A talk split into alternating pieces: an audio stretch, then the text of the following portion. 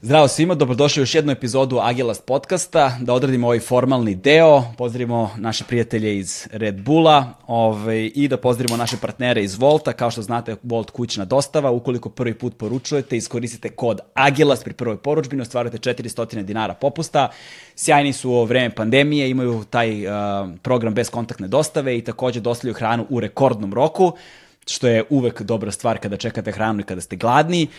dakle, Volt, linkovi su u opisu videa, možete podržite naš podcast preko jednokratnih uplata na Paypalu, možete preko mesečnih pretplata na Patreonu i sad kad smo radili ovaj formalni deo, da samo kažemo, naš današnji gost je moj dragi prijatelj, um, urednik i os, osnivač izdavače kuće Fabrika knjiga, koje su u velikoj meri bavi teoretskim knjigama i angažovanom književnošću. Uh, napisao je, njegovo ime je Dejan Ilić, napisao je novu knjigu koja nosi naziv Fantastična škola, u prevodu, odnosno pod naslov Novi prilozi za drugačiji nastavni program, SF, horor i fantastika i to je ono što je zaista sjajno jer govorimo na jedan način o reformu reformi obrazovanja, o promeni obrazovnog sistema i o tome šta bi trebalo da bude deo obrazovnog sistema i kako o popularnoj kulturi da govorimo u obrazovnom sistemu i u nastavi i kako da kroz popularnu kulturu razumemo sebe, svet oko sebe i naravno one teorijske elemente kojima je važno da se naoružamo da bismo se snašli u svetu koji živimo, a koji kao što i sami vidite, nije baš idealan posljednjih nekoliko meseci, a u ovoj zemlji, boga mi, dosta duže. Dejan Ilić, moj sledeći gost.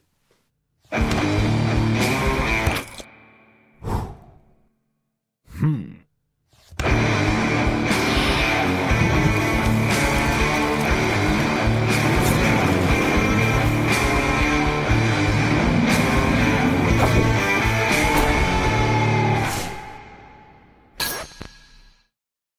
Dejane, strašno se radujem ovom razgovoru. Ja te pažljivo gledam i slušam. Da.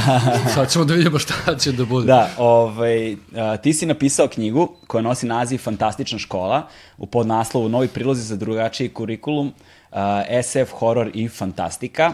Dakle, u, izdanji, u izdanju tvoje izdavače kuće Jeste, Fabrika. da, ja sam sam sebi objavio knjigu. Da, Tako da. to da, tvo, tvoje izdavače kuće Fabrika knjiga, možda izdavača kuća koju najčešće ovaj, upominjemo u ovom podcastu i knjige da, koje smo najčešće... Da, primetio sam i samo čekam te loše posledice koje će zbog toga uslediti, ali ajde, nadamo se da će sve biti u redu. Vi ne, ne brini ništa, bit će sve u redu.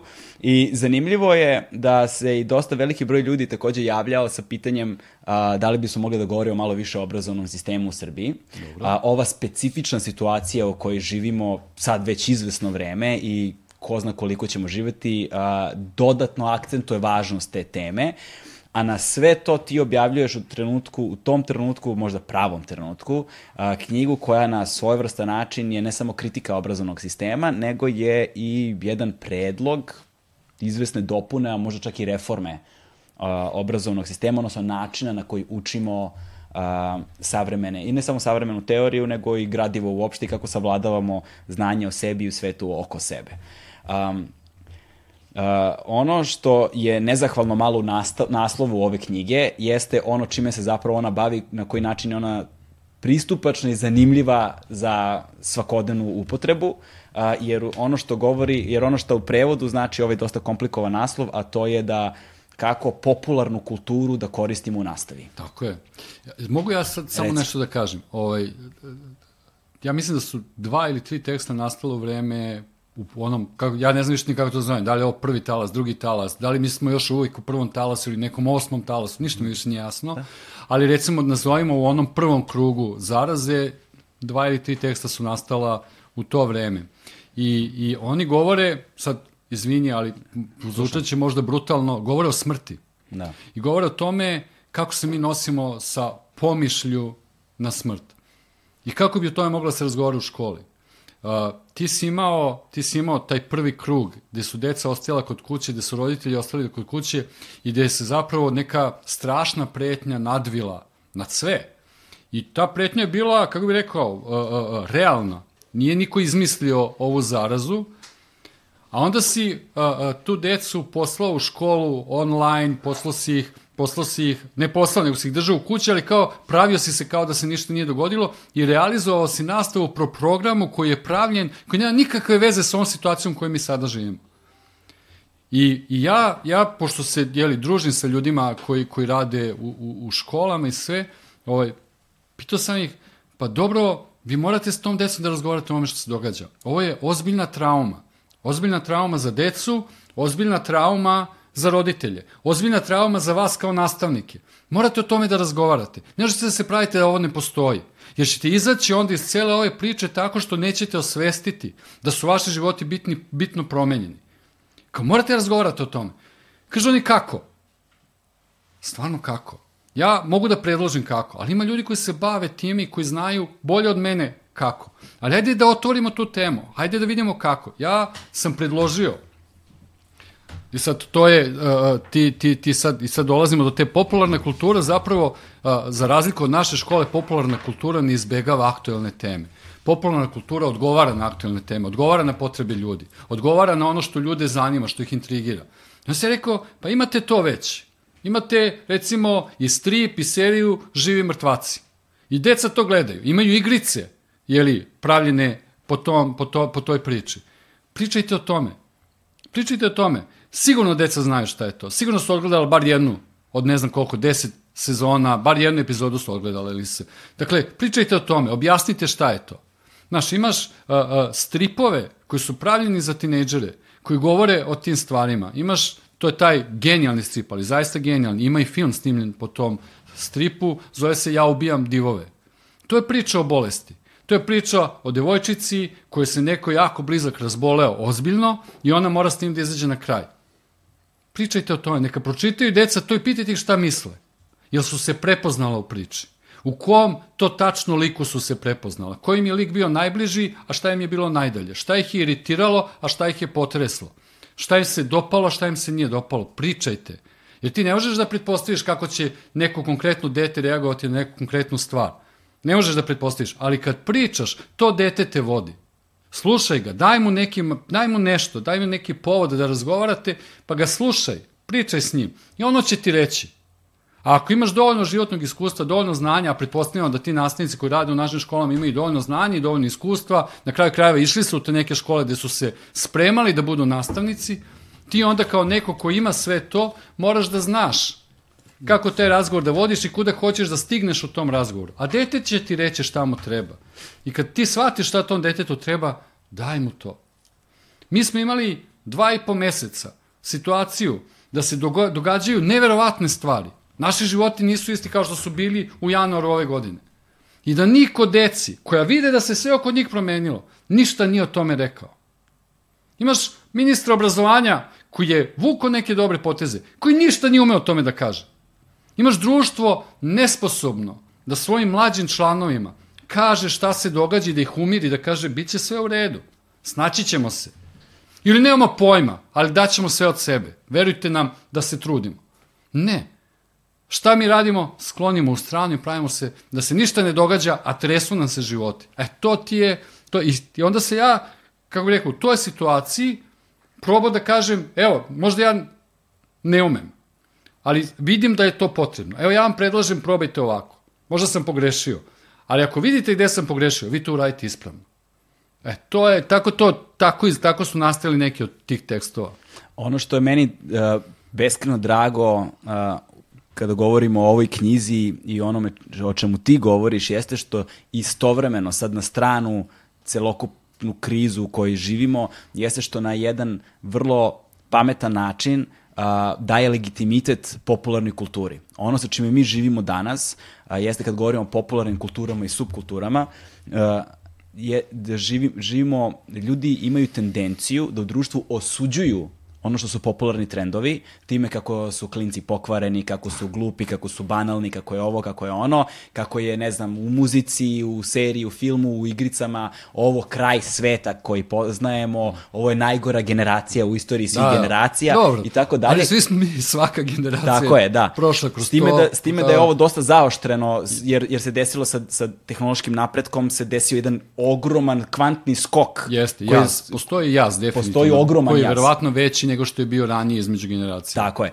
I sada u tom nerazumevanju ne pokušavaju da izgrade most u kojem će probati da se približe, nego se samo dalje polarizuju time što odmahuju rukom i optužuju ih. Kako su ovi muzičari, ne znam, kvare decu, što je potpuno budalaština, jel te? Dobro. A zapravo popularnoj kulturi ti daješ ovde legitimitet kao nešto što je simptom društva, nešto što je zapravo a, znak na osnovu kojeg možemo da tumačimo šta je to što je u društvu aktuelno. Ukoliko je neki muzičar poslao neku poruku i ta poruka se primila na Tako je, milione klinaca, To je, to je važno, da. Tako je. zašto se ta poruka primila? Primila, tako je. To za- je pitanje. Tako da. popularnu kulturu treba da tumačimo, a ne da odbacujemo. Tako je. I ono, to je ono što mi se strašno da, dopada. Ajde, ajde ovako, korak po korak. Prvo, ovaj, popularna kultura nije jedan, jedno homogeno polje i nisu sva dela popularne kulture iste.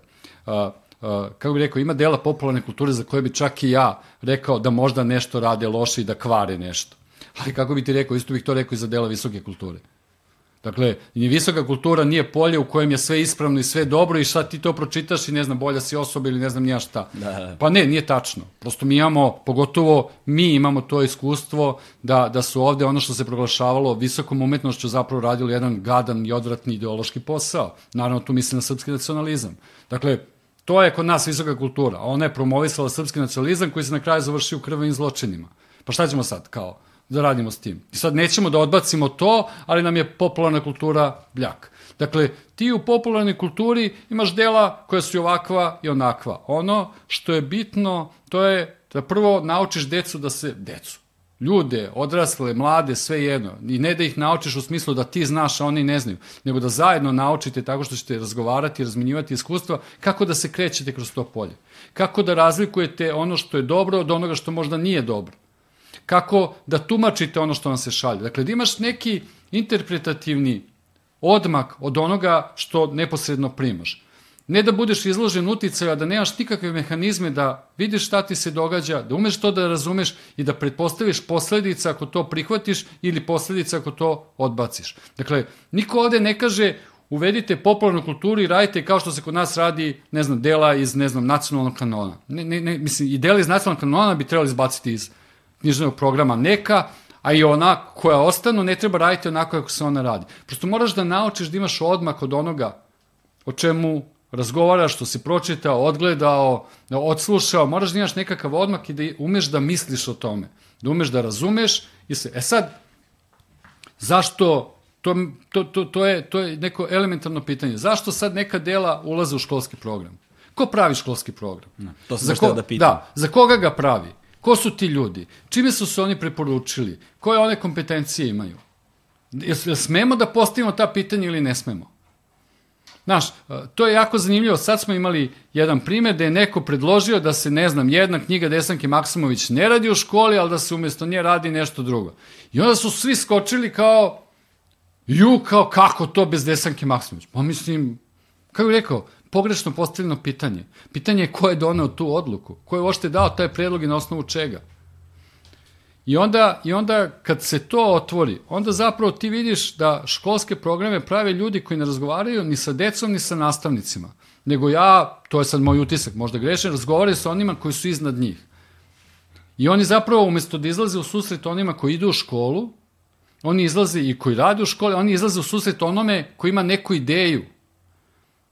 Sad ja ovo banalizujem krajnje, ali kako što duže da ostane na vlasti i kako da ne menja priču koja ga održava na vlasti. I naše školstvo je zapravo upregnuto u potrebe onoga ko je na vrhu, da na vrhu ostane, a ne za potrebe onih koji u školu idu i koji u školi rade. I mi imamo tu hijerarhiju koja ide od vrha na dole i onaj na vrhu zapravo određuje i ciljeve i potrebe i sve ostalo, a svi ostali moraju da mu se potčine. A škola bi zapravo morala da bude nešto drugo. Škola bi morala da izlazi u susret onima koji idu u školu, pa onda onima koji rade u školi, pa onda tek onome ko je na vrhu pod uslovom da taj na vrhu razmišlja o nekom zajedničkom dobru. Ako ne razmišlja, škola bi morala da usposobi sve da tog nekog šutne, da ga skine, da ga pošalju u Božju mater. To naravno, ja sad mislim jednu određenu osobu imam brdo besa kad govorim o tome, pa sad bi i psovao, ali nije, nije u redu. Ali, ali škola bi morala to da radi. I zato kad govorimo o školi pričamo o nečemu što, što, što se zove demokratsko obrazovanje. Demokratsko obrazovanje je jako, uh, ima više značenja. Ono bi trebalo da bude demokratsko u onom smislu u kome ćeš slušati šta su potrebe ljudi koji se školuju i zajednice koje pripadaju deca koja se školuju, dakle šta su njihove potrebe, u tom smislu demokratsko, da mi o tome razgovaramo i da uvažimo potrebe, ali demokratski u onom smislu da ti kada neko izađe iz škole bude u stanju da demokratski misli, a ne da misli podanički. E, I to onda, onda, i onda stižemo, preko svega ovoga stižemo i do visoke kulture i do popularne kulture. Znači, i visoka i popularna kultura mogu da se koristi za takvo obrazovanje, za ono što bismo nazvali demokratskim obrazovanjem. I nema nikakvog razloga da se pravi razlika između visoke kulture i popularne kulture. Naravno, visoka kultura se nameće u našim školskim programima zato što je to neka vrsta legitimacije onoga ko je na vrhu. Legitimacija onoga ko je na vrhu ne samo u političkom smislu, nego i u ekonomskom smislu. Ti zapravo visokom kulturom, onako kako se ona radi u našim školama, braniš privilegovane slojeve društva i čuvaš njihove privilegije na štetu svih ostalih.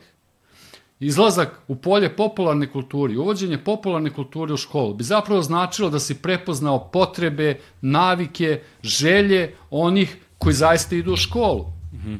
E. Najveća većina njih. I onda uzmeš i radiš to. Izabereš neka dela, objasniš zašto si ih izabrao, objasniš zašto su ona važna i radiš to. Kad deca koja recimo, znaš, neko kaže, pa šta hoćeš sad cecu u školu? Pa da. Pa šta je to? Je li to neki greh? Pa kao, ono, to je najpopularnija pevačica ovde. I sad možemo da se obesimo što je to tako, jer to znači čitav niz nekih drugih stvari. Ali jel to slušaju svi? Ajmo da vidimo šta se tu nalazi, zašto to slušaju, koja se poruka time prenosi i zašto ta poruka odgovara onome što jeli deca osjećaju kao svoje potrebe. I šta to govori o vremenu i prostoru Tako u kojem je. živimo. Ali, ali naš, kod nas škola, umesto da bude ogledalo, da deca u školi vide i nauče da komuniciraju sa društvom u kome žive, a ceca je onda to, uvedeš nju u školu i to je onda ogledalo. I ajmo da vidimo šta imamo o tome da kažemo. Zašto se radujemo na to? Zašto? Znaš šta, zašto, zašto se recimo devojčica oblače kao ona? Šta znači ta seksualizacija devojčica u školi? To seks, da pomeneš seks u školi, pa kao si lud. Kako to? Pogledaj na što vam liče, pogledaj kako se devojčica oblače kad idu na matašku. Ja ne mislim, kako bih rekao, nek se oblače kako god hoće, baš me briga. Ali daj da osvestimo to, šta to znači? Znaš, ja bih recimo mogao da ponudim u prvom koraku objašnjenje zašto devojčice i dečaci danas izgledaju tako kako izgledaju. Zato što u vremenima krize se društvo vraća na one početne elementarne rodne uloge. Da bi potvrdio tu rodnu ulogu ti moraš da izgledaš na određeni način. I onda naglašavaš ono što je odlika tvog roda, odnosno pola, i ti onda imaš tu jaku seksualizaciju i erotizaciju ženskih tela. To se događa.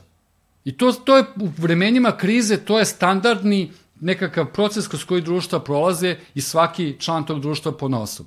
Kad to jednom ispričaš deci u školi i kad deca to razumeju, pitanje je kako će onda da se odnose prema tome kako izgledaju i šta će da slušaju i sve ostalo. Ali moraš to da osvestiš. Ne možeš da osvestiš tako što ćeš da skloniš u stranu. Moraš da budeš, mora da, da, ga, da, da ga dovedeš u fokus. I onda, umesto da škola bude ogledalo, škola je paravan. Škola krije ono što se događa u društvu. Nekim lažnim slikama, nekim slikama koje uopšte ne korespondiraju sa stvarnošću u kojoj deca žive. Recimo, to kad pričamo, uh, uh, znaš, ja sam, ne, ne pričam ovo na pamet, radio sam sa decom, srednjoškolcima i imao neke i radionice i ne znam ja šta i razgovarao s njima o ovim stvarima. Probao da vidim da li to što ja govorim i što ja recimo o čemu ja razmišljam, da li to stvarno radi.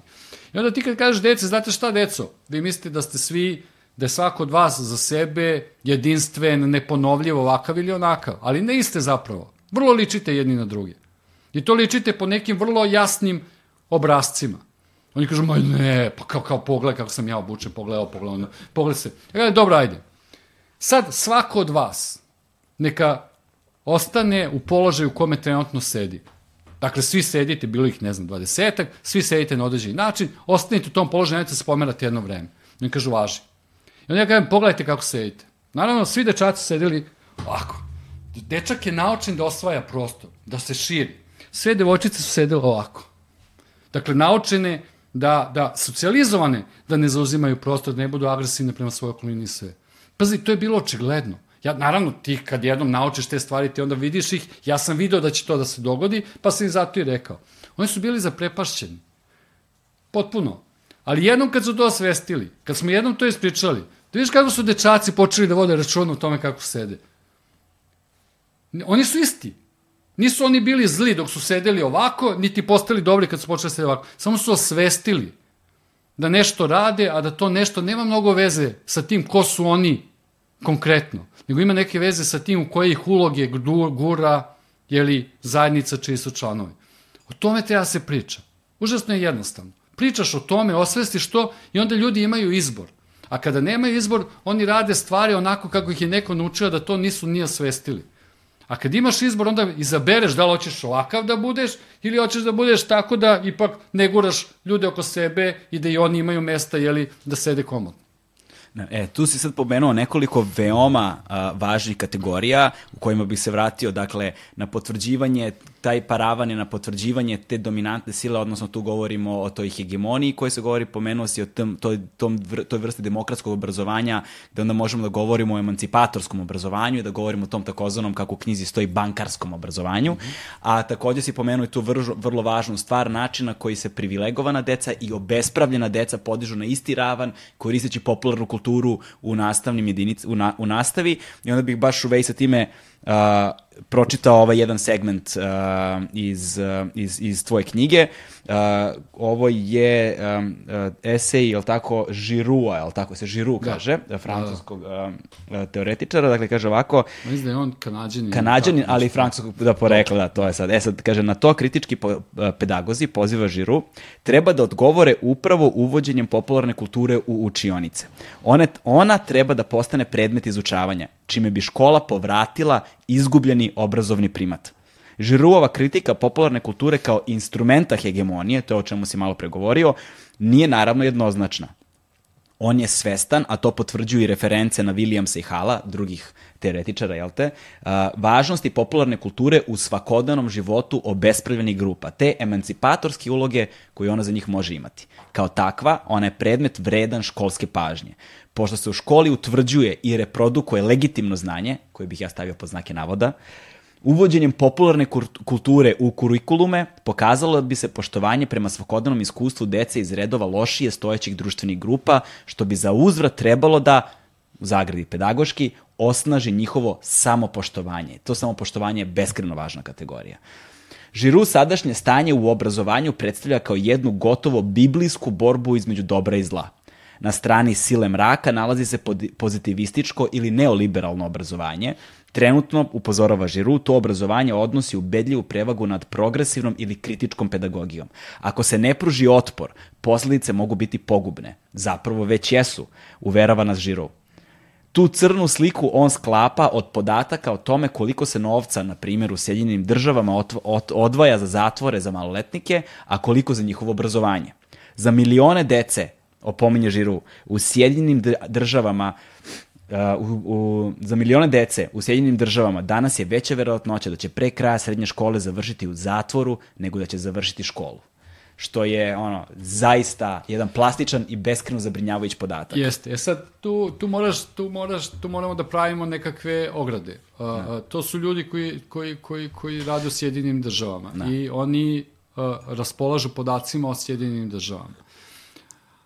I sad tu moramo stalno da vodimo računa. Dakle, problemi Sjedinjenih država nisu baš isti kao i problemi u Srbiji, s jedne strane, s druge strane nisu baš ni toliko različiti. Dakle, to što on kaže može da se prevede i na našu sredinu. Da. Dakle, kod nas ne stoje stvari kao tamo, da će, ne znam, zbog toga što se novac preusmerava, mnogo veći ili jedan veliki broj dece pre završiti u zatvoru nego što će završiti školu. Dakle, kod nas nemamo tu situaciju, ali imamo situaciju koja je slična. Kod nas će najveći broj dece, zapravo bit će mu uh, bit će onemogućen prvo da živi slobodno, a drugo da živi u skladu sa svojim sposobnostima.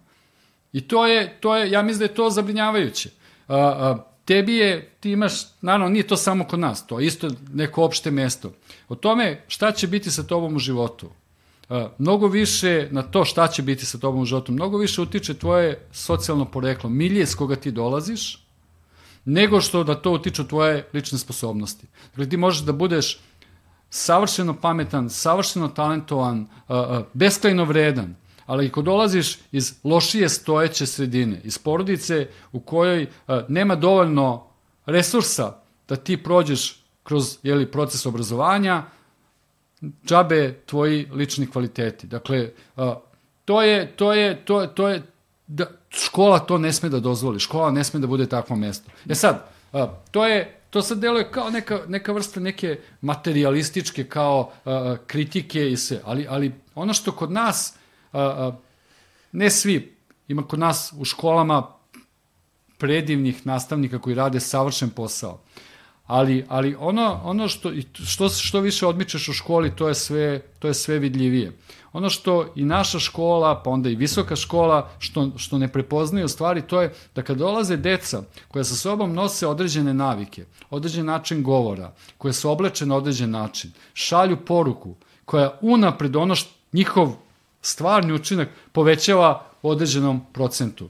I deca koja dolaze drugačije obučena, govore na drugačiji način, ponašaju se na drugačiji način, ta deca zapravo čak i kada briljiraju, njima se oduzima od tog njihovog konkretnog učinka, zato što ne ostavljaju onaj utisak na koji smo mi navikli da prepoznamo ga kao znak, kao potvrdu neče kvaliteta. Što bi rekli, klinci nije cool. E, tako je, tako je. I ti sad imaš, i to je, to je sad jako zanimljivo. Recimo, na, evo, dajem, daću jedan primer koji koji sam, jeli, koji stoji u literaturi kao primer za, za, za, za slične stvari, ali evo, ti ćeš, ja, kako bih rekao, imam suviše godina, a konstatovali smo da je generacijski jaz veliki, tako da teško da mogu da dam aktualne primere, ali ti mi pomozi mm -hmm. ako sam pogrešio. Dakle, pretpostavimo da imamo dete koje dolazi u školu u trenerci, koje briljira, ali dolazi u školu u trenerci. Izgleda tako. Eto, ne zašto mi trenerka pala na pamet, valjda zato što je to neki odevni predmet koji odaje određeni status i određeni kulturni, uh, uh, uh, kako bih rekao, određene kulturne sklonosti onoga koje nosi. Pa zato što kroz kulturne dominante postala simbol. E, tako je. Šta misliš, kako bi i drugi i kako bi sama ljudi zaposleni u školi, kako bi se odnosili prema tom detetu? Sve iako to dete briljira. Znaš kako? Uh, Ili ne znam, ti možda imaš bolji primjer za ovo što ja hoću. Pa ne, ne, mislim, prim, prim, primjer ti je okej, okay, samo što stvari u tome kakav bi odnos prema njima bio zavisi od generacijske pozicije. Mm -hmm. uh, mislim da kolokvijalno posmatrano, nekle, ne utvrđen kao pravilo, nego mm -hmm. kao što je nešto kao mm -hmm. verovatnoću, mm -hmm. uh, jeste da takav klinac koji bi sad zavisi naravno koja trenerka, kakav brend, na koji je, način. Tako je, koliko to košta. Posto, postoji, da. postoji ogroman broj neverbalnih signala tako koji je, se šalju kroz je, tu komunikaciju, tako je, tako je. koji onda korespondiraju na određeni način sa tako društvom u kojem se nalazi, da li sa učionicom tako svojom, je. svojim odeljenjem, svojom školom i ukoliko je dovoljno cool, a nosi taj element, nazovimo ga ulične kulture Dobro. ovoga ili onoga, ali onda svojim, e, svoj, svojom briljantnošću odudara od toga, ta takva osoba staje na vrh piramide, mm -hmm. jer onda ona dokazuje onim tamo autoritetima, sad po znacima navoda, kogod da, bili da, da, da. oni tamo, Dobro. Dobro. Im, po, im pokazuje, e vidiš da smo mi zapravo, kao simbol, mi smo zapravo pametni, mi smo zapravo da. carevi, znaš. Da. A s druge strane, ukoliko imaš veliki generacijski jaz sa strane mm. profesora, odnosno mm. tih takozvanih nosioca, da. nosilaca da. autoriteta, da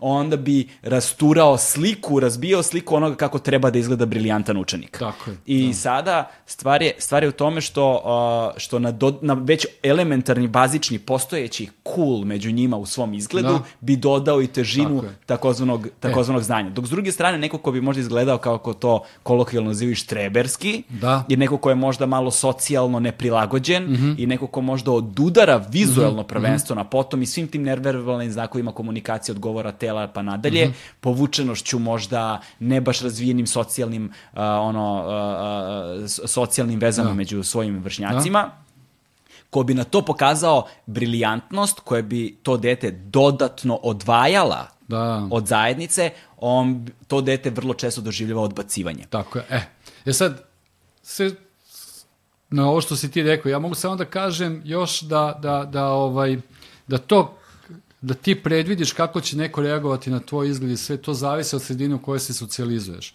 Uglavnom, deca koja se socijalizuju u nešto bolje stojećim jeli, sredinama, mm -hmm. porodicama i sve, ona umeju da čitaju sredinu, jer to već dobijaju u toj svojoj nazovimo to tako, primarnoj zajednici. Ova druga deca baš i ne.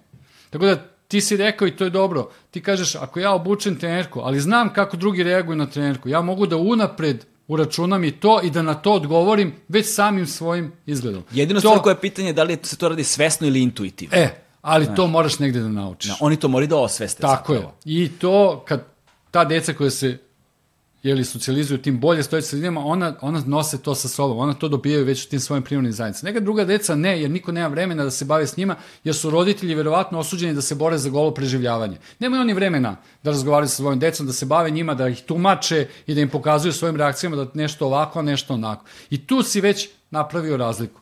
Ima, ima jedna, jedna stvar koja, to je primjer koji ja ima veze sa ovim o čemu govorim, koji ja pokušavam da dam kada razgovaram sa mlađim ljudima, da im kažem, da im kažem šta je to u stvari. Ti znaš da sva deca da, treba da odu kod školskog psihologa pre nego što upišu školu. I tamo oni imaju da rade nekakve testove.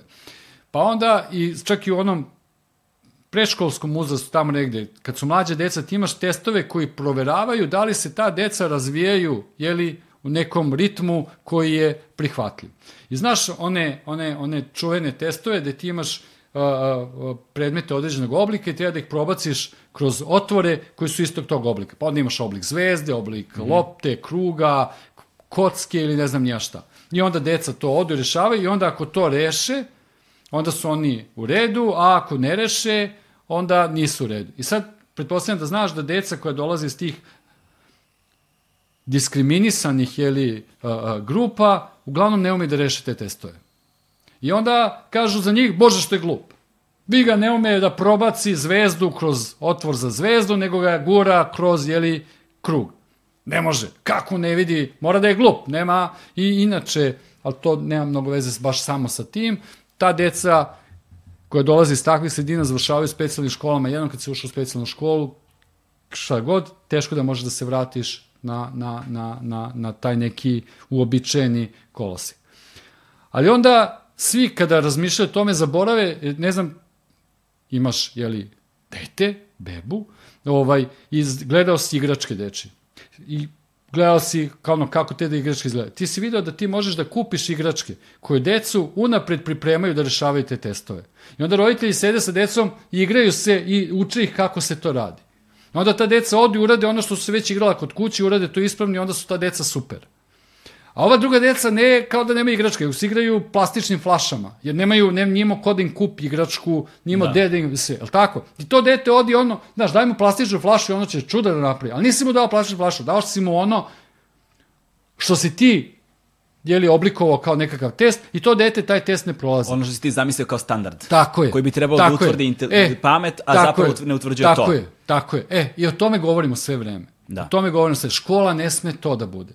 Škola je, ljudi koji rade u školi moraju da budu pametniji od toga. Tako je. Ne smeju da na taj način favorizuju jednu decu. Ja sad, ovo je jako elementaran primer i on se odnosi, ne, ne možemo reći baš, to zvuči strašno, ali statistički gledano nije to tako veliki broj dece koje na taj način bivaju diskriminisana jer im je neko dao test za koji ona nisu pripremljena. Ti imaš recimo, daš deci olovku.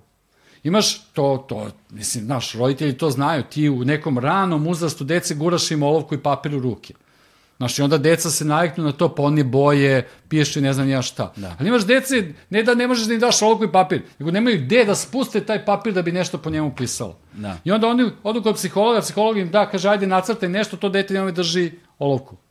Nema drži one bojice. Da. To govori I, zapravo mislim, imam kao, jedan imam jedan znaš, primer, imam jedan primer dosta drastičniji uh -huh. i mhm. radikalniji ovaj iz iz, iz sopstvenog života da. koji možda oslikava na jedan na jedan dobar način zapravo te razlike. Uh -huh, uh -huh. Uh, je, moja porodica sa očeve strane iz Somalije. Dobro. I, ovaj, I kada sam 2010. godine bio u poseti uh, familiji, tada je uh, iz Somalije tek stigao neki moj dalji brat, uh, koji se zove Zakarija. Dobro. I ovaj, on je uh, rođen i odrastao u Mogadišu, u Somaliji, ovaj, u kojem je u tom trenutku već 20 godina besneo rat. Uh, on je u tom trenutku imao 24 godine. Što znači da je 20 godina od 24 svoje godine on zna samo za rat. Dobro. I zna za ekstremno siromaštvo, zna i on je došao kao izbeglica tu. I mi smo boravili neko vreme tamo zajedno. Jedva smo komunicirali, zapravo nismo skoro nikako komunicirali, on je govorio samo arapski i somalijski. Ne zna engleski i to su toliko različite kulture i nasleđa da čak ni govor tela nije značio iste stvari. Mm -hmm, Potpuno smo naravno. bili i sa, a delili smo sobu. Dobro. Znaš, I sad dobili smo zadatak, mi treba da odemo da, ne znam, kupimo mleko. I odlazimo mi u prodavnicu, prvo način na koji se on snalazi na ulici. On je došao dva, tri dana pre toga. Znači, on ne zna ništa. Njemu su svi koncepti koji su nama dati na ulici prosto strani, potpuno. I, ovaj, I onda, smo, i onda sam morao da ga držim za ruku sve vreme dok smo išli i on je prestravljen na milion i jedan način Naravno. koji se ne može uopšte da se objasni. I ulazimo u prodavnicu, sad su ona, u Holandiji, ono, možda misliš, rafovi sa mle, mlekom, koji su ono, sojino mleko, bademovo mleko, ovako mleko, onako mleko, low fat, high fat i tako dalje. To, su, to je raf sa stotinama mleka. On je samo prošao pored toga. Nije ni Nije, prepoznao. nije ni prepoznao, jer on zna samo za mleko u prahu. On čovjek nije video drugo pakovanje nikad u životu. Znaš, i takav jedan podatak ti govori, takva jedna sitnica govori o tom, ono, o tom jazu, koliko zjapi ogroman. E. I šta je, sad je on zbog toga glup? E, to hoću da kažem. Ti i ja smo sad posegnuli za drastičnim primjerima. Da. Ali ti primjeri su drastični samo da bismo slikovito pokazali na šta mislimo. Ista stvar, ista stvar, čak ni u ovoj meri drastičnoj, a drastični su primjer koji sam ja naveo i primjer koji si ti naveo. Dakle, na isti način se stvari odvijaju u našim školama sa decom koja dolaze iz različitih sredina, ne različitih u tom nekom načelnom kulturnom smislu, nego materijalno. Po materijalnom statusu se razlikuju. E, i, i škola, kako bih rekao, škola bi morala da bude mesto koje će takve razlike, prvo da bude svesno tih razlika, takva sredina da, koja zna za te razlike i drugo koja te razlike ublažava, a ne da gradi na tim razlikama i da dodatno produbljuje te razlike i da diskriminiše jeli, tu decu koja su već diskriminisana. Dakle, to je jedna stvar. I sad mi stalno, neko bi rekao, sad smo mi ovde, ne znam ni ja šta, kao mi se zalažemo za nekakve manjine. Koliko ima ljudi koji će doći ovde, kao recimo tvoj brat, ili koliko ima ove dece o kojoj sam ja pričao. Kao, nije to mnogo. I to je ono što ljudi ne razumeju. Zapravo, isti mehanizmi koje smo ti i ja ilustrovali našim primjerima, oni funkcionišu i kada razlike nisu tako velike. Da. Ali funkcionišu na nekom drugom nivou, na nekom manje vidljivom nivou. I ti zaista velikom broju deca uskraćuješ. E sad šta im sve uskraćuješ? Mi stalno govorimo iz pozicije te manjine i kažemo uskraćujemo toj manjini, deci koja pripadaju toj manjini da napreduju, da naprave nešto svojim životima, da realizuje svoje jeli, kapacitete. Kao stalno, mi stalno ne, kao nešto govorimo u, naš, u njihovo ime. Znaš, ali zapravo ja uopšte ne govorim o tome. Mene zanima kako ja, koji pripadam u svakom smislu dominantnoj grupi, dakle muškarac sam, heteroseksualan sam, uh, beo sam, razumeš? Kako, kako ja u školi nisam naučio da to prepoznam? Zašto su me u školi napravili gorom osobom nego što sam mogao da budem? Zašto ja iz škole izlazim potpuno neosetljiv za te razlike, ne umem čak ni da ih osvestim, ne vidim ih. A neko je mogao da mi nauči da budem bolja osoba. Jer nisam zao. Znaš, 99% ljudi nisu zli. nisu je. zli, nego su nenaučeni. Tako je, ti i ja smo jednom prilikom govorili o problemu diskriminacije, kada smo, nešto kada smo se tek upo- upoznali, davno to sad već beše, Da, jel te? jeste. Ovaj, I onda sam ja govorio o nekim problemima koje, koje sam imao, posebno kada sam odlazio u neke manje sredine, gde si mi ti onda stavio samo jednu malu ovako barijeru između onog, onoga što doživim i trenutka kad ja reagujem. Samo kažeš, napraviš samo jedan mali vremenski otklon. Jer ti zapravo ne možeš da znaš da li je nečija reakcija na tebe a, zaista diskriminacija ili se samo nikada nije sreo sa osobom kao što si ti. I samo daš dan, dva Da. pauze i već nakon dan, dva ljudi 99% ljudi apsolutno E, izađe iz E, modela u kojem je bilo Tako tada. je, i kad mi govorimo o uskraćenosti, stalno se, znaš, nas stalno razumeju kao da, da mi smo tu nekakvi advokati za neke grupe ili za neke pojedince koji su uskraćeni za nešto. Ma ne, ne, ja govorim u ime većine. Ja mislim da je većina uskraćena da bude bolja nego što jeste.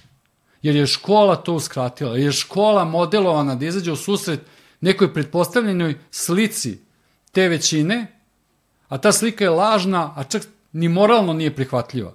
I onda ispada kako smo mi ovakvi onakvi ljudi ili ovakvi onakva zajednica, a zapravo ne, nego ti je neko, zvuči, projektovao da budeš takav. I to je istina, mislim, ima i knjiga, baš smo i o njoj govorili, da je, ja mislim da je ovde, a? ne, ovo je kultura na delu, tu, tu je negde, um, koja govori, čekaj baš da pogledam, da mi nije pri, da mi nije pri ruci, ali ne, a, gde govori o istorijskom revizionizmu u, mm -hmm. u učbenicima za osnovno i srednje obrazovanje. Da, da. Dakle, šta mi učimo kao legitimnu istoriju, gde Tako se uvek je. povlači to pitanje Tako je. prošlosti, koje zapravo ulazi u ustrojstvo onoga što nas gradi ljudima kojima smo danas. Da. I ti sad imaš situaciju gde ono izbe, izbeglička kriza, na koji način se doživljava ovde, gde neko ko postane simbol protesta u našoj šestoj rečenici izgovara i stop migrantima i naseljavanjima i št- šta da radimo sa time? Pa ti imaš, ti imaš, eh, kad si već pomenuo istoriju i, i, i naš, naš model istorije koji se predaje u našim školama je onaj koji, koji viktimizuje zajednicu unutar koga se ta, taj program realizuje. Dakle, mi u školi učimo da smo mi i samo mi žrtve i da mi i samo mi ćemo uvek trpeti najveću štetu. I taj nesrećnik koji je došao ne znamo odakle da bi spasio živu glavu i on je zapravo neko ko nas ugrožava jer smo mi veće žrtve i od njega. Da, I on će nešto da nam uzme. da. Nije da mi imamo nešto da mu damo, nego će on, on je došao da nam nešto uzme. Pritom, tebi je jasno da ti tu osobu uopšte ne vidiš. Nego ti si, ti si izašao sa jednim, kao da ti neko ubacio obrazac, matricu po kojoj razmišljaš. I u kojoj god životnoj situaciji da se nađeš, ti ćeš sebe videti kao žrtvu. Čak i kad si nasilnik, kad si zlikovac, kada ti maltretiraš druge, ti opet sebe vidiš kao žrtvu. I to, kako bih rekao, to sad možemo o tome, imamo se ostalom o tome i emisiju, da, da se vratimo u 90. i da vidimo kako mi danas vidimo 90. Tebi će dan danas najveći broj ljudi ovde reći da su Srbi izašli kao najveće žrtve iz 90. Džabe, onoliki pobijeni ljudi. Džabe sve, ne, mi smo najviše stradali. E E sad- A bio si, kako bih rekao, Jasno je da si bilo, da je bio agresor i jasno je da si činio zločine. Ali ne. E sad, ono što, ono, što, ono što želim da kažem, se sad malo vratimo na, na, na, na ovu knjigu, jeste, a, recimo, ljudi su, a, ti i ja smo davno već ima, bog te skoro 10 godina, ima i 10 godina, pričali o tome kako je važno da se o popularnoj kulturi govori na pametan način. To je, to je bilo... Znači, i onda, svemu, i pa onda i u popularnoj kulturi. Pa da, pa o svemu, tako je, Da. ali govorim ovde konkretno o popularnoj kulturi, kao baš u uskom kontekstu ko, po, pominjem to. I primjer, dob, dobri primjeri koji ljudi ma, masovno razumeju jeste kada je Christopher Nolan uzeo Batmana, odjednom je o Batmanu počelo se govori na pametan način, zato što je Batman dobio ljudske dimenzije, smešten je u ravan svakodnevnog života i onda je to bila tačka identifikovanja sa kojom smo mogli da vidimo, aha, šta je on sad želeo da nam kaže. Da. I kao imaš Batmana u kome se Batman pojavljao posljednjih 10 minuta Da. filma, znaš. Da. A onda, onda, se to, onda se to posle desilo i sa Marvelovim likovima dosta, u velikoj meri, ali- to su sad ti eksterni pojmovi tih superheroja. Ali recimo sa poslednjim Jokerom, na primer, je to baš bila masovna stvar. Tumačio se Joker i u velikoj meri sa aspekta mentalnog zdravlja. Sad, da li su ljudi tumačili pogrešno ili ne, ili ovako ili onako, to je sad potpuno jedna druga tema, ali je važno da su se upustili u to da ih je na neki način ta popularna stvar trigerovala da govore o nekim, nekim stvarima većem u tog filma. Pa mi... I zašto- sad izvini, e, a ovde, ajde. ovde mi je, sad da pomenemo, čisto da, bi, da bismo govorili malo i o ovoj knjizi više, a, želim da naglasim da ovde nije samo suva teorija, da su ovde zapravo vrlo dobri primjeri, ajde da uzmemo iz sadržaja, da pomenemo čisto da ljudima bude jasno da je ovo nešto što zaista može gleda svako, čita svako, gde ovde imamo prvo od mojih dražih pisaca, da ovde imamo Filipa K. Dicka, a, jel te, da imamo Artura Clarka, dakle pice naučne fantastike, pa onda Stanislava Lema, ove one, da ne govorimo o tome. Ja ne mogu, ja moram sad da kažem, izvini, ti imaš njih tetovirane na ruci, meni je to potpuno neverovatno. Da, Ali da. potpuno, ja ne, ne, meni je to, ja sad gledam u tebe kao čudo. To, pazi, to su pisci koji meni mnogo znači. Da. Ali ti si ih kao upisao na svoje telo. Zauvek. Da, da, dobro. Onda imamo, onda imamo a, a, šta, no, dakle, imamo, da, imamo District 9, jel te? To, to je jedan od najgenijalnijih filmova koje sam Da, moram District, priznati. District 9, onda imamo Dečak koji je upregao vetar, dakle The Boy Who Harnessed the Wind, tako, to ima na Netflixu ko želi da gleda, mislim da ima i District 9, nisam siguran. Sve Pa to onda- može da se skine i na da, onim sve- i sve su to mahom ljudi gledali, kao- da, da, Pa onda imamo Existence, to ma, mlađe generacije možda nisu gledale malo Ali ne stariji bi bilo film. loše da pogledaju. Da, onda imamo Shape of Water, jel te, onda imamo, um, imamo Parazita, jel te, Parazita, onda da, imamo... nevjerovatni dobitnik Oscara, zaista. Tako je, da, pa onda imamo The Living Dead, jel te, pa imamo Sandmana, pa imamo OA, malo hipsterska serija, ne znam da li je toliko, ma... nije masovno popularna bila, ali... Ne znam, pazi, kako bih rekao, serija koja je izvela ljude da odigraju ples iz serije na sred, jeli, ono, ulici. Da, da. Ne bi li tim izvršili pritisak da se snimi treća sezona? To. Tako da, Pa da, sad, ne tako, tako, tako da, tako da stvari u tome da se ovde kroz svako od poglavlja, kroz priče o tim serijama i filmovima koje su popularne i koje su aktuelne, govori o svetu u kojem živimo danas. I ono što mi se dopada i što bih volao da pominjem ovde jeste što vrlo je simptomatično su naslovi koji su uzeti jer oni zapravo predstavljaju više od stilsko-tipoloških odrednica svog žanra, oni su predstavnici određenih ideja koje su vrlo jasne. Da. I gde onda, ne znam, sa Arturom Clarkom postavljamo pitanje utopije i distopije, Mhm. gde onda sa District 9 postavljamo pitanje izbegličke krize, Tako gde onda sa, i svaka je vrlo specifična na sobstveni način, ovaj, gde recimo sa Filipom K. Dickom imamo to pitanje melodramatičnog i pojedinačnog lika Tako i pitanje je. stvarnosti Tako i, i fikcije, a, gde g- z- sad da ne, da, ne, ne, da ne dužim dalje, pričat ćemo o tome pojedinačno, ali se tu pominju i određeni naslovi kako je škola i kako je obrazovni sistem prikazan u zavisnosti od kulture iz koje dolazi, kako je u Hollywoodu prikazan, Tako kako je. je u Africi prikazan, kako je onako, kako je onako i šta može jedan isti sistem prikazan na drugačiji način da uradi sa mladima i da nam donese. Ti si, ti si sad jedan uh, uh, dobronameran sagovornik. Da. Ja, ja, imam, ja, imam, ja imam više problema ovaj, dok ti i ja pričamo. Dakle, ti ja pričamo o knjizi i, mislim, draga je meni to knjiga. Ja stvarno napisao, on, trudio se da napišem to najbolje što sam mogao. Ali sad ovo što mi živimo, ovih meseci, meni je ova knjiga, razumeš, ona se bavi i time, ali meni je to, za ti sad ja pričamo o tome, a da se ono, svetovi ruše oko nas, mi kao šta radimo?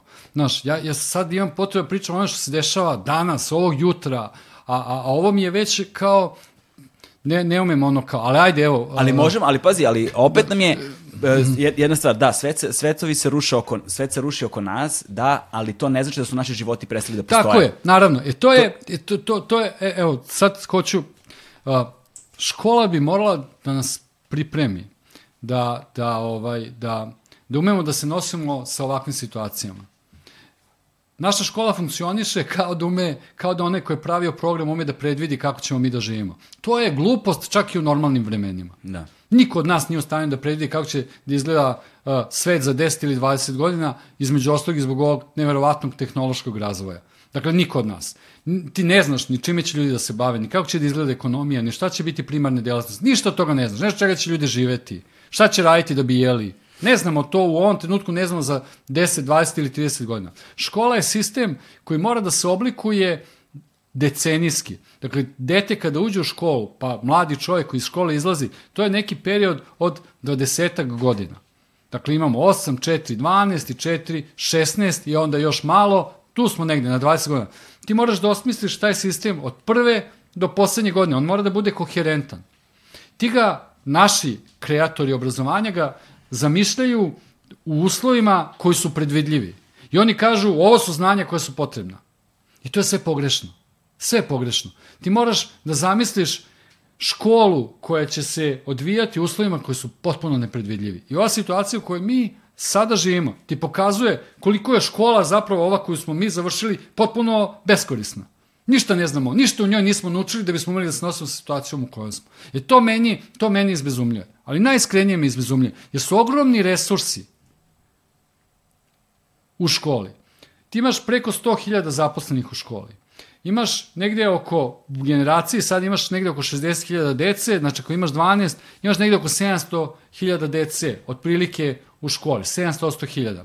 Svako to dete ima nekog roditelja ili staratelja, da računamo da ima po jednog, a ne dvoje. Znači to je već milion i po. Sa ovih sto, znači mi, smo, mi stižemo da u ovom trenutku oko škole, u čvrstoj vezi sa školom, imamo negde oko 2 miliona ljudi. 2 miliona ljudi uvezano u jednu mrežu koja može da im služi za razmenu informacija, da jedni drugima s jedni drugima komuniciraju, da šalju poruke da ih primaju i da razumeju jedni druge. 2 miliona ljudi, imaš sistem, to je, to je bolje od Facebooka, to je bolje od društvenih mreža, zato što su konkretna tela i konkretni životi uvučeni u to. Nema lažnih identiteta, nema ne znam čega. Znači ti si, to su ti ljudi, to su ta deca, sve je tu. Ti imaš jedan takav sistem i taj sistem je potpuno nefunkcionalan. Ničemu ne služi, samo pravi štetu. Meni to nesvatljivo. Imaš nešto što može da pravi veliku korist za sve nas, može da doprinese mnogo nekom zajedničkom dobru. A ono pravi samo štetu. I sad, osnovna ideja je pogrešna. Pogrešno je da ti praviš školu tako što ćeš da se pretvaraš da znaš šta ćeš da bude. Mesto odmah da priznaš, ne znam šta će da bude. Ne znam. Ne znam kako će da izgleda svet za 10 godina. Ne znamo bre kako će da izgleda svet u 2021. godini. Ne znamo, posle ovoga što se sad događa, mi ne znamo kako će ta 2021. Ne znamo kako će izgledati do kraja godine. Tako je. Dakle, to je prva stvar. Druga stvar, zašto bi morao ja da znam? Ja koji pravim program, zašto bi morao ja da znam? Nas, dva miliona, koliko nas ima uključenih u školu, zna više od mene jednoga. Ajmo razgovaramo o tome. Ajmo pitamo ljude šta oni očekuju od škola. Ajmo pitamo decu šta očekuju od škola. Ajmo pitamo nastavnike šta očekuju od škola. Ajmo pitamo nastavnike kakva su njihova iskustva u školi sa postojećim programima. Da to bude neka osnova od koje kreneš.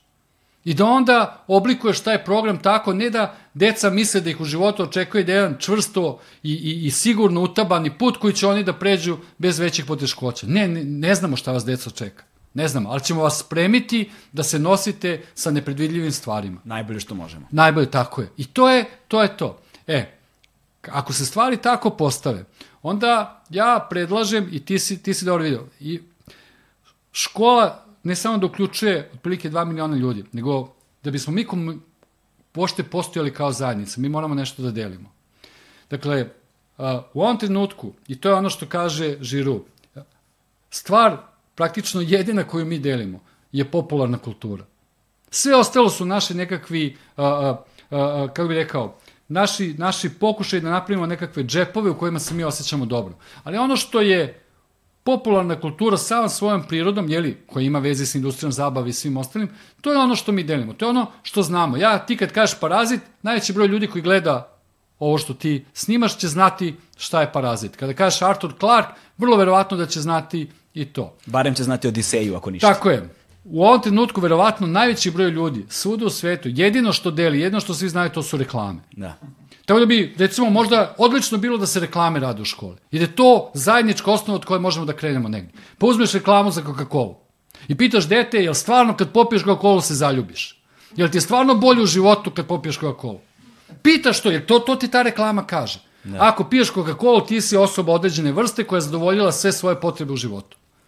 To, to tako radi ta Ili ta možda, i, i, znaš, oni komuniciraju sa aspekta atmosfere, sa aspekta emocije. Naravno, ma naravno. Budete I, trigere. sad, I zašto je sramota da se reklama za Coca-Cola radi u školi? Zašto? Svi su je videli. Svi na to reaguju na određeni način. Svi umeju o tome nešto da kažu.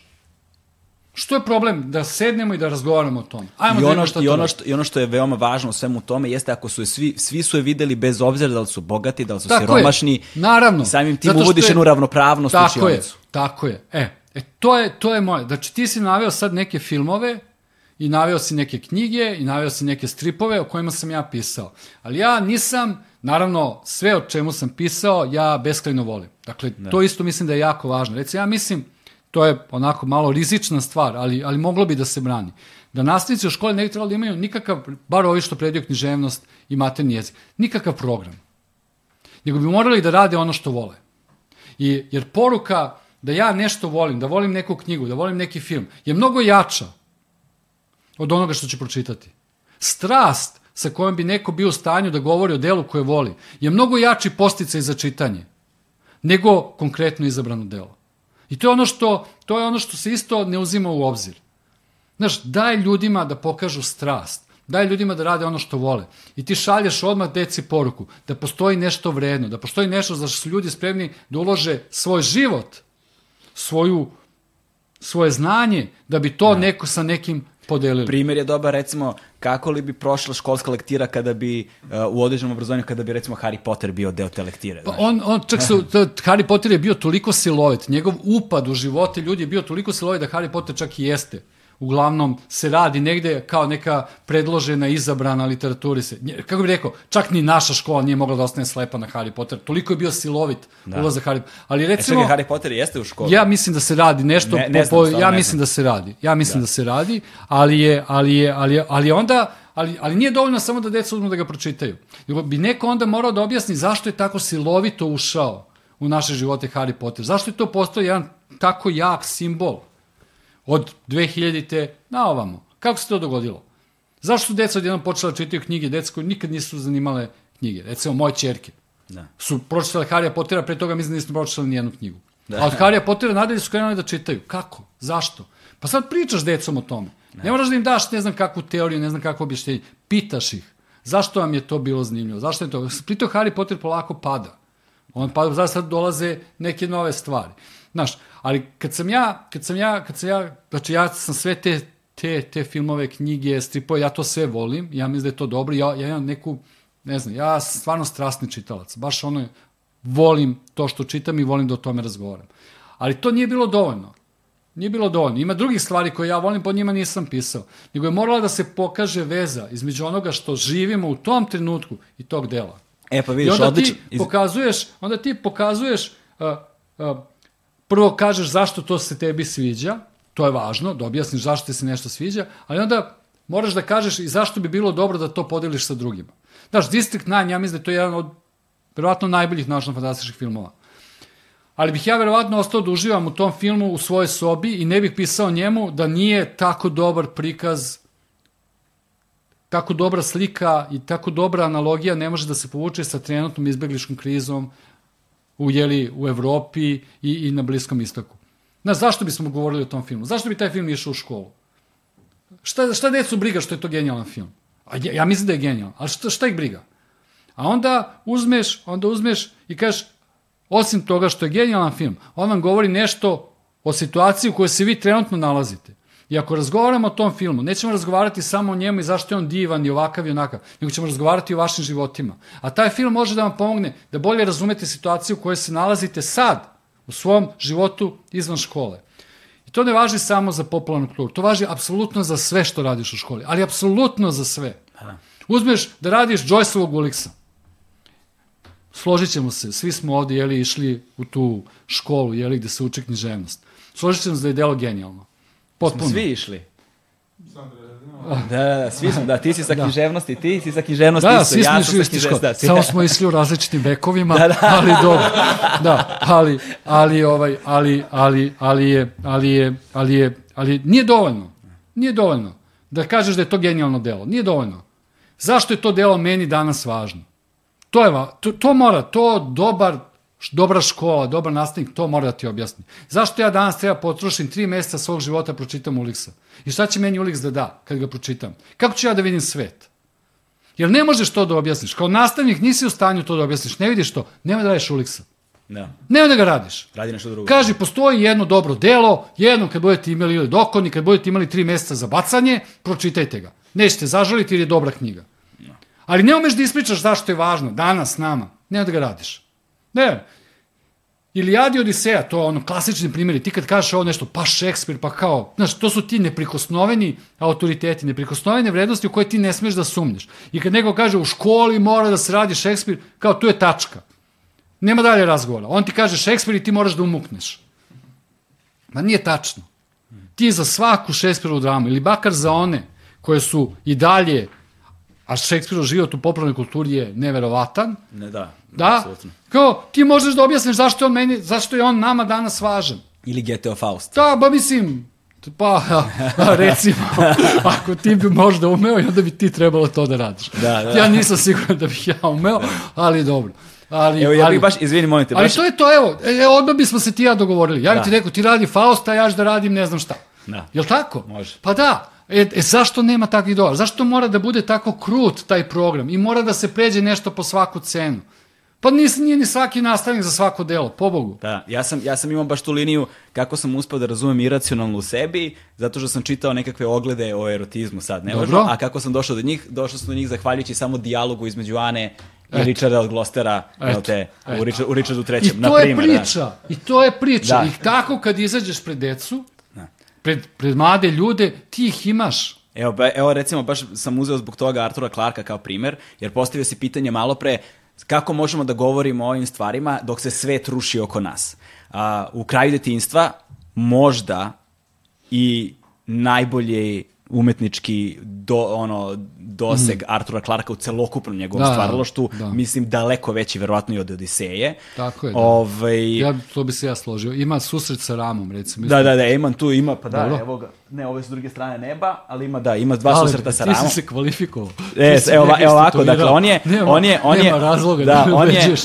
On je postavio, on je postavio pitanje, dakle, utop, ovo je zapravo u pitanju utopije i distopije, ali govori o pitanju pozicije čoveka, Tako si posmatranje- ti zamislio štednju. da, ne, ovo sam, Kao je, ovo je prvo što sam naleteo. Da, Čekaj, ja, izgubio sam, izgubio sam gde piše. A, E, sada sam se zeznuo.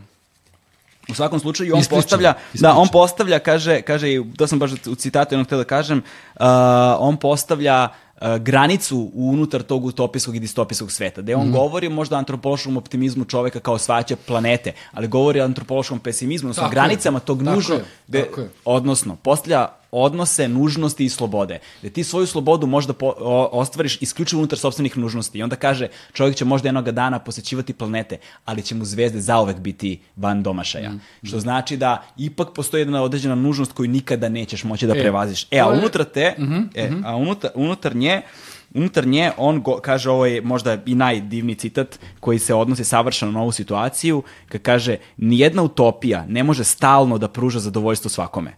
Kako se čovekovi materijalni uslovi popravljaju, ljudi podižu svoj pogled naviše i postaju nezadovoljni onime što imaju, a što im je nekada i u snu izgledalo nedostižno.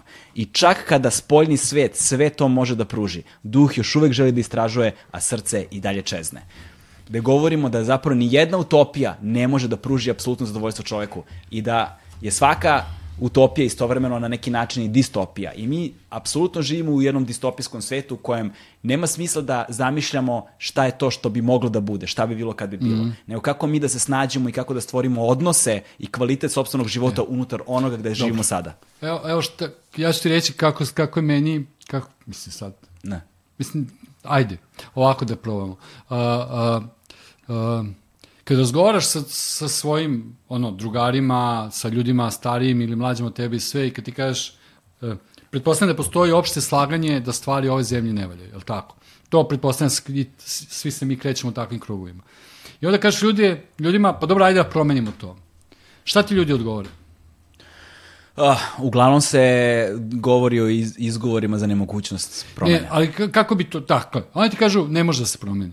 Ne. ne može. ne može, nema smisla, Da. ili se Ili obično... ko će to, ili ne znam ja šta. ili se zameni E, teza kao, ma, bežimo odavde. tako je. Dakle, to, to je ta fraza koju mi svi čujemo oko sebe, non stop ne može ništa da se uradi.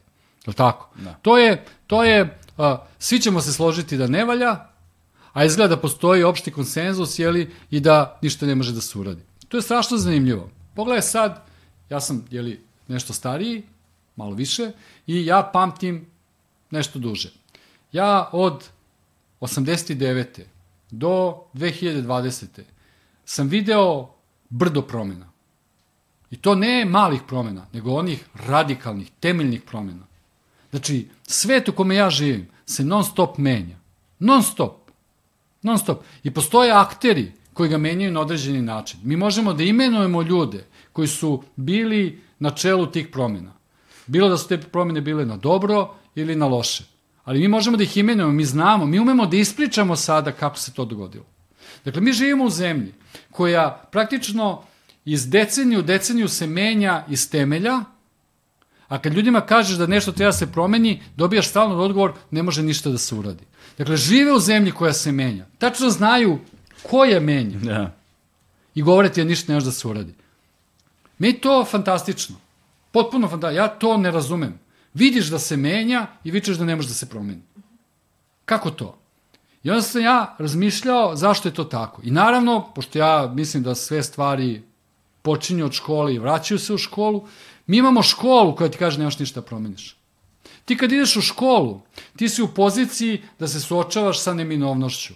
Nastavni program je takav kakav je, moraš da naučiš ono što ti je neko rekao, moraš da polažeš nekakve testove, moraš da polažeš nekakve završne ispite, na fakultetu ideš da polažeš ispit, niko te, evo, koliko nas ovdje ima, je li vas neko u školi pitao, ili ima nešto drugo što biste volili da radite? Ikad. Jel tebe, Galebe, neko pitao u školi, "Jel ima nešto što bi ti, Galebe, volao da radiš? Nikad niko. Nikad niko. Da. I onda izađeš iz škole i kažeš ništa ne može da se uradi. Da. A menjaju ti se ministri, kako koji ministar dođe, tako menja školski program. Znači, moraš postaneš ministar da bi nešto menjao. Koja je verovatnoća da ćemo svi mi postati ministri? Nula. Ne može. Ali to je poruka. Znači, ti imaš, ti imaš kad se nađeš na tom nekom takozvanom vrhu, ti odjednom misliš kako ti imaš pravo da menjaš i da nikog ne pitaš za to, a dok si ispod tog vrha, na bilo kojoj lestvici ispod samog vrha, ti zapravo imaš utisak da ništa ne može da se uradi. Ili se, Dakle, samo, živiš- ili se samo pitaš kako da dođem do vrha. E, Pa pa da da onda- živiš u apsolutnoj samovolji onoga ko je za sebe prisvojio moć koju nikako ne smije imati. I naša škola nas priprema da kad izađemo izvan škole, da razmišljamo u tim kategorijama. Ništa ne može da se uradi, iako na naše oči se sve menja i neko nešto radi. Da. Non stop. I tu, e sad, je, tu je sad dobro da se pomenu, pomenu ovaj, kad govorimo, da se vratimo na početak, kad govorimo o tom obrazovanju, emancipatorsko i bankarsko E, obrazovanje. ali da ja, zašto je meni bilo važno, za, zašto se ja, osim toga što volim naučnu fantastiku, zašto se ja non stop borim, bavim i govorim o naučnoj fantastici i predlažem naučno fantastične filmove, knjige, stripove i sve ostalo. Zato što te naučna fantastika tera da misliš unapred. I ona te suočava sa tim da će se svet neminovno promeniti. Ili unazad sa Tako, fantastikom. dobro, ali neminovno promeniti. Želeo ti to ili ne. I onda je bolje da učestvuješ u toj promeni da utičeš na nju nego da stojiš po strani i da čekaš šta će da te zadesi. Da. Ali je sama ideja da razmišljaš o budućnosti, ona je upisana u naučnu fantastiku. Žar naučne fantastike, on živi od toga što mi razmišljamo o budućnosti i pokušavamo da je pretpostavimo. I onda kad čitaš neka naša fantastična dela, ti kažeš, pa dobro, ovo je realno, ima smisla ili ovo je baš preterali su ili ovo nije moguće se, ali te sve vreme drži u toj nekom budućem vremenu i terate da misliš o tom nekom budućem Ali mi upravo sad živimo apokaliptični scenarij naučne fantastike. Tako je, mi živimo, mi živimo, žive mrtvace otprilike ili tako nešto. Ali, ali, pa šta fali?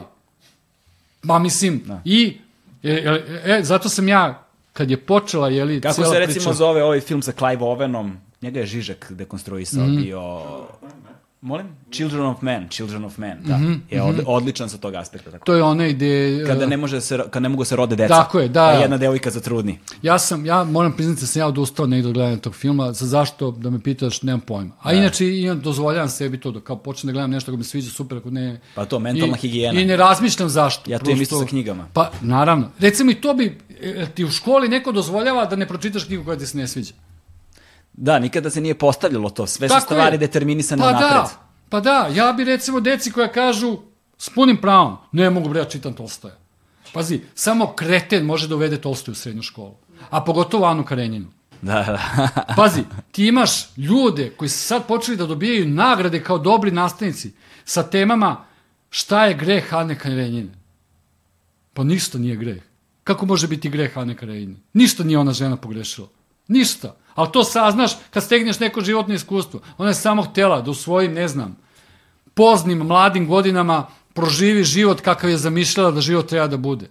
Žela da bude voljena. Šta je tu greh? Neverovatno, ali kad daš deci u srednjoj školi da to rade, svi su spremni da je osude. Šta je prva osuda koju deci izgovara? Ostavila je svoje dete. Pa ne, nije tačno. Ne umije čak ni da pročitaju knjigu. da, da. Osim toga što je dosadna za njih. I osim toga što je Tolstoj jedan vrlo podmukao pisac. Dakle, izvanredan pisac koji svoje poruke šalje na jedan jako upečatljiv način. I kad si mlad, ne možeš da se odbraniš od toga. Ali nastavnik ti tu da te odbrani od toga, a ako ne može, onda ne treba da radi to sa tobom. Da.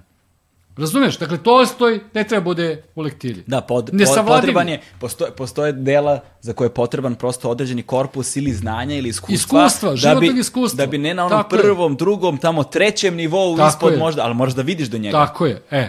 I to je, i sad, znaš, to, to, to, su, to, su, to su stvari. Znači, ti imaš u školi, neko ti da neki program, ti moraš da ga prođeš, niti znaš zašto je to tu, niti imaš kapacitet da se sa tim nosiš, ne zato što si glup, nego nemaš dovoljno životnog iskustva. Uopšte ne pričamo o gluposti, ja mislim da su svi manje, više jednako pametni. Samo je pitanje kako stičeš iskustvo, koliko iskustva stičeš i kako se socijalizuješ i kako tu svoju pamet realizuješ. I u kakvim se okolnostima rađaš. tako je, a kapaciteti su nam mahom svima približno jednaki. To je, e, i sad, e, to je, to je, to je, ti, ti, ti dakle, ne samo što ti škola zadaje nešto, mimo svakog razgovora, mimo svakog pitanja da li ti to treba ili ne treba, da li je to tvoja želja ili nije želja, da li te to zanima ili ne zanima. Mislim, škola mora da ima tu elementarnu, Taj mali prostor. Naravno, u školi mora da se radi nešto, u školi je uvek mesto autoriteta. I taj autoritet mora da bude tu i on je neizbežan. Ali mora da postoji neka vrsta male razmene. Ne, ne znam kakve, ali moraš negde u školi da dobiješ priliku i kažeš, meni se to ne sviđa. Nešto da radim. I da ne budeš kažnjen za to. Da. To je užasno važno. To je što ja govorim stalno ljudima, posebno u poslu kada radimo, kažem, dve stvari iz, morate da razumete. Prvo, imaš pravo na mišljenje koje želim da iskažeš i drugo je im, imaš pravo na grešku. Tako je. Znači, to su dve stvari koje mora da razumeš inače da ne imaš. trpi, naša škola ne trpi greške. I onda se pita zašto su ljudi koji izađu iz škole frustrirani. Pa zašto im se ne dozvoljava da pogreše? I zato su uplašeni. I zato nikad ne rizikuju. I zato su uvek boje kad ne mogu da predvide šta će sutra da bude. Jer se boje greške. Jer naša škola kažnjava grešku. Ne ohrabrujete da greš. Meni je, sad skačemo s teme temu, teo sam samo da završim. Dakle, osim toga što je to znanje zadato tako, odnosno taj program zadat tako da od njemu nema razgovora, on je zadat tako da te ne tera da misliš šta će da bude. A vrlo redko te zapravo teri da moralno rasuđuješ. Nego se sve unapred podrazumeva. E, to je problem. Meni je naučna fantastika odlična. Prvo zato što te tera da misliš šta će da bude i da pokušaš da predvidiš budućnost i drugo zato što te tera da donosiš odluke. Dakle, ti moraš da se odlučiš. Znaš, i ta zamišljena budućnost, ona te tera da se prema njoj odrediš. Da li je ona dobra ili loša? Da li bi volao da tako bude ili ne bi voleo? A pošto je budućnost, onda možda možeš i da utičeš na to. Zato je meni naučna fantastika super za školu. Odlična za školu. Ali, kako bih rekao, ja mislim da se nijedno naučno fantastično delo ne radi u školi. Dobro, to Znaš je... kako, ima, još jed, ima još jedan odgovor, uh, da produbimo malo temu, ima još Mhm. jedan odgovor koji dobijam vrlo često kada pričamo o promenama ovde. Da. Recimo, protesti su dobar primer. Kada sam, jednom prilikom sam, skoro sam izjavio, rekao, jebote, bio sam dete kada sam počeo da idem na proteste, Da. sada idem na proteste i imam dete. Tako je. Zna, Pa i, dobro. onda, i, onda, i, onda, i, onda, i onda se vrlo često desi taj ciničan, odnosno i odgovor sa, odgovor sa jednim strahovitim ironičnim otklonom, Mhm. gde su u fazonu kao, pa kad si debil, kao naš, neka i tvoje dete ide, pa neka i sad dete tvog deteta ide, naš... Pa neka idu, super Pa da. je. Pa to je, kao bre, nema bolje škole od toga da se pobuniš protiv autoriteta. Pa, e, i onda, kad, i onda, i onda i on- kao, kao, za, kao zaključak zapravo dešava se vrlo često da posebno u mojoj generaciji među mlađima, da je ironija kao stilska figura, ono, toliko Cinizam. cinizam, jel te, se upotrebljava tako i njime se na jedan način, sad da li podsvesno, da li intuitivno sakriva površnost. Da, ajde ovako. Uh, ja mislim da je to odbrana. Da, ja pa to recimo odbrana, da je a. to odbrana i to odbrana ljudi kojima je dobro. I koji zato što im je dobro neće ništa raditi. Dobro im je u situaciji koja je moralno neprihvatljiva.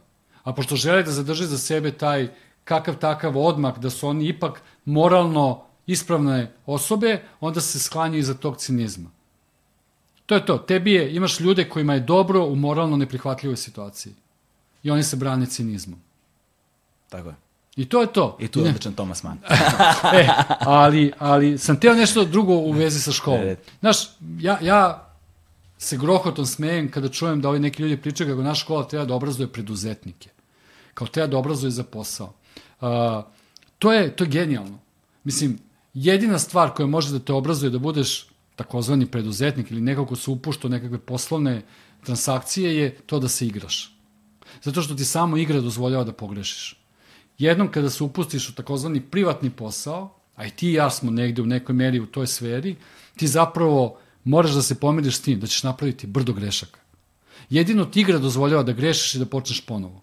Naša škola to ne dozvoljava. I zato naša škola nikad neće školovati preduzetnike. I zato će kod nas preduzetnici biti samo ljudi koji imaju a, ili nisu završili školu ili imaju neke sumnjive jeli, škole i sve ostalo. Zato što su oni izašli iz sistema i shvatili da izvan sistema je zapravo to polje slobode da ti možeš da pokušavaš. Ljudi koji su takozvani štreberi nikad se neće upustiti u privatni posao. Što je katastrofa. Katastrofa, jer i oni imaju kapacitet da uče. I oni bi mogli možda čuda da naprave. Ali nema, prosto su se povinovali jednom sistemu koji ne dozvoljava grešku. Nema privatnog posla bez greške. Da. Nema privatnog posla da se ne slupaš. Nema ga. Et naša škola te na to ne priprema. Nema toga u našoj školi. A onda bi oni da školuju preduzetnike. Kako ćete da ih školujete? Šta ćete da im date? Da uče zakone? Šta? Kako se školuje? Pa ćete da im date test. Kako se školuje za preduzetnika? Šta ćete da ih pošaljete na pijacu? Ne, ne, ne znam kako se školuje. Nemam pojma. Jedini način da školuješ nego za preduzetnika, da ga pustiš da se igra. Drugim rečima, ako hoćeš da imaš preduzetnike, do 15. godine nema ocenjivanja. Nema testova, nema pismenih zadataka, nema ničega. I onda ćeš da imaš ljude koji su spremni da se upuste u neki posao bez straha od toga da će propasti. Ako imaš strah da ćeš da propadneš, nikad se nećeš upustiti u posao. Nikad. Na, to je je- jedna, je, je, sad mi je nam pala na pamet jedna misao koje, koje se često setim, kada smo snimali u Americi pre nekoliko godina i upoznao sam uh, jednog od ljudi sa ovih prostora koji su izbegli, pričali smo te neke priče smo o, o našim prostorima, o našim ljudima tamo. Uh, Mile Banjac se zove čovjek, on je kamionđija tamo 100 godina, otišao je 95. po izbegu iz Sarajeva, pa je došao u Beograd i onda je vrlo brzo otišao za Ameriku i nikada se više nije vraćao. I onda on u meni izgovorio dve stvari. Kaže, nije se nikada vraćao zato što mu nedostaje zemlja koja više nema, nema čemu da se vrati. A druga je bila, a, kaže, ovaj, zašto je ostao baš tamo? Kaže, zato što ukoliko stvoriš nekakve elementarne uslove za život koji su neophodni, kaže, ovde deca mogu duže da budu deca. Pa da, ali to, čekaj, znaš, on ti kažeš, deca mogu du, duže da budu deca, to kao da postoji neko, ovaj, kao da je to neko, kao, kao da je neko, kao da je reč o nekoj retardaciji ili ne znam nija čemu. Pa ne, ne, nego su zapravo opuštenija, a opuštenost je dobra stvar. Da. Znaš, opuštenost Pravo je dobra na igru. stvar. Tako je. Ovo je dobra stvar u životu. Znaš, nije, ne, nije sve, nije sve ono, pitanje, ono, biti ili ne biti. Nije sve pitanje golog opstanka. Mislim, kod nas sada jeste, ali u načelu, u normalnim uslovima, znaš, u redu je da propadneš, u redu je da pogrešiš, što je zeglo, u redu je da se razvedeš, u redu je da, znaš, kao, razne stvari su u redu. Nije to kraj sveta. Ali kod nas, šta je kod nas, to ne znam, ajde, vi ste nešto mlađi od mene, šta je kod nas najveći strah kod ljudi? Pa egzistencija uglavnom. Ali kako se ona manifestuje? Pa znaš kako, Da ne ostane, izvini, sad ću ja, jako sam te pitao, sad, ovo je ja pravi pedagoški primer kako treba razgovarati s njima. Ovo, dakle, dakle, strah, strah da će ostati bez posla. To između je. ostalog. Da, i kako ucenjuješ ljude ovde? Ucenjuješ ih radnim mestom. Jo, šta je strašno da ostaneš bez posla? Pa šta? Radit ćeš nešto drugo. Pa ćeš posle tog drugog raditi nešto treće. Kod nas nema predstave o tome da je moguć život posle otkaza. Da ima života posle smrti. Da. Jer je otkaz smrt. Ono, izgubiš posao i to je ravno apsolutnoj propasti. Ti više nisi živo biće dostojno poštovanja. To nije normalno. Mi, pritom u ovoj ekonomiji koju mi imamo, koja se raspada po šavovima, ne, ne liči ni na šta. Ti imaš strah od toga da ćeš izgubiti posao. Pa naravno da ćeš ga izgubiti. Pa kad se zaposliš, moraš da računaš na to da ćeš ga izgubiti.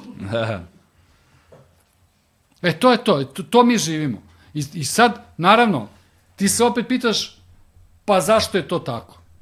Ja stvarno se stalno vraćam na školu. Stalno se vraćam na školu. Prvo gledaš, to je, ti u školi ne učiš samo ono što je u nastavnom programu. To nastavnici, neki nastavnici su toga svesni, neki nisu. Nastavnici su najjače, njihova, njihov, što bi se rekao, njihov lik i delo su najjače pedagoško sredstvo.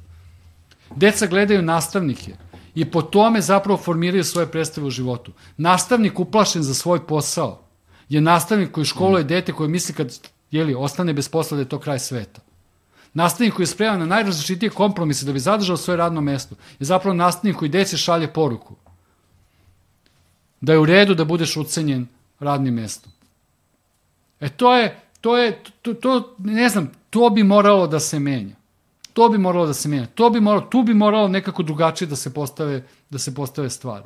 Evo recimo kad govorimo o tom pos, načinu na koji posmatramo obrazovanje, bukvalno škole, školski sistem i šta je to što škole proizvode, ovde imaju tri vrlo dobra primjera koji se paralelno pokazuju jedan naspram drugog i oslikavaju se. Jedan, svaki služi kao plato na kojem se oslikava onaj sledeći, ovaj, a to su tri filma, koja, mislim, oni su odve, odvojeno prikazane, ali ja bih volio da njima paralelno govorimo, kojem ljudi mahom bi trebalo da znaju. Uh, jedan je ovaj sa Ryanom Goslingom, kako se zove, Half Nelson, Half, Half Nelson, dakle sa Ryanom Goslingom, legendarni Good Will Hunting sa Benom Affleckom i Matt Dobro. Damonom i možemo kao treći da uzmemo uh, Boy Who Harnessed the Wind. Da, dobro. Na primjer, kako se, kako, kako ta tri obrazovna sistema pokazuju tri dimenzije. Znaš šta, to, a, to je ovako, dakle, dakle, ne samo da škola gradi sliku o sebi, nego u popularnoj kulturi postoji slika o školi koja je negde analogna onome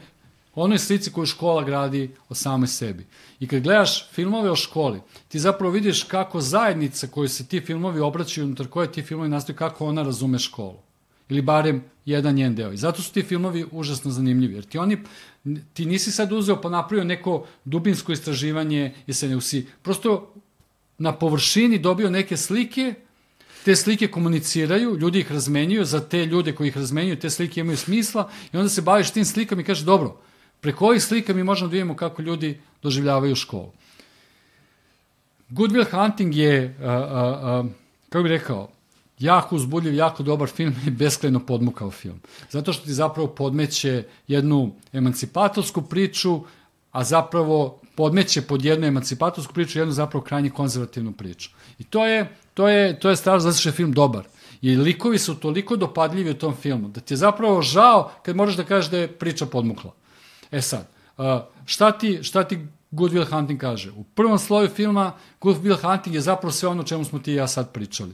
I, i, i čovjek koji je radio taj film, dakle, scenaristi su jeli, Matt Damon i Ben, F, ben Affleck, oni su bili pod jakim uticajem jeli, tog velikog istoričara i pedagoga američkog Howarda Zina. I, I ti vidiš na prvom nivou da su oni primili te osnovne zinove poruke, da je američko društvo raslojeno, da su a, a, ti, te provalije između staleža nepremostive i da deca koje se rađaju u bolje stojećim sredinama će zapravo imati otvoren put ka dobrim karijerama, deca koje se rađaju u, u, u miljeu radnika, radničke klase, ljudi koji nemaju dovoljno za pristojnu egzistenciju, su osuđene na propast, čak i kad su beskrajno talentovana kao što je talentovan glavni junak u tom filmu. Matt Damon. Tako je. I ti sad imaš, na tom prvom nivou, to je jedna angažovana priča koja se zalaže za to da stvari budu bolje. Međutim, onda ti imaš u celom tom filmu kako se zapravo a, prolazak kroz školu i otvaranje mogućnosti da ti popraviš svoj status obrazovanjem, dakle da se uspinješ vertikalno kroz tu statusnu jeli, lestvicu, da je to stvar ličnog interesa.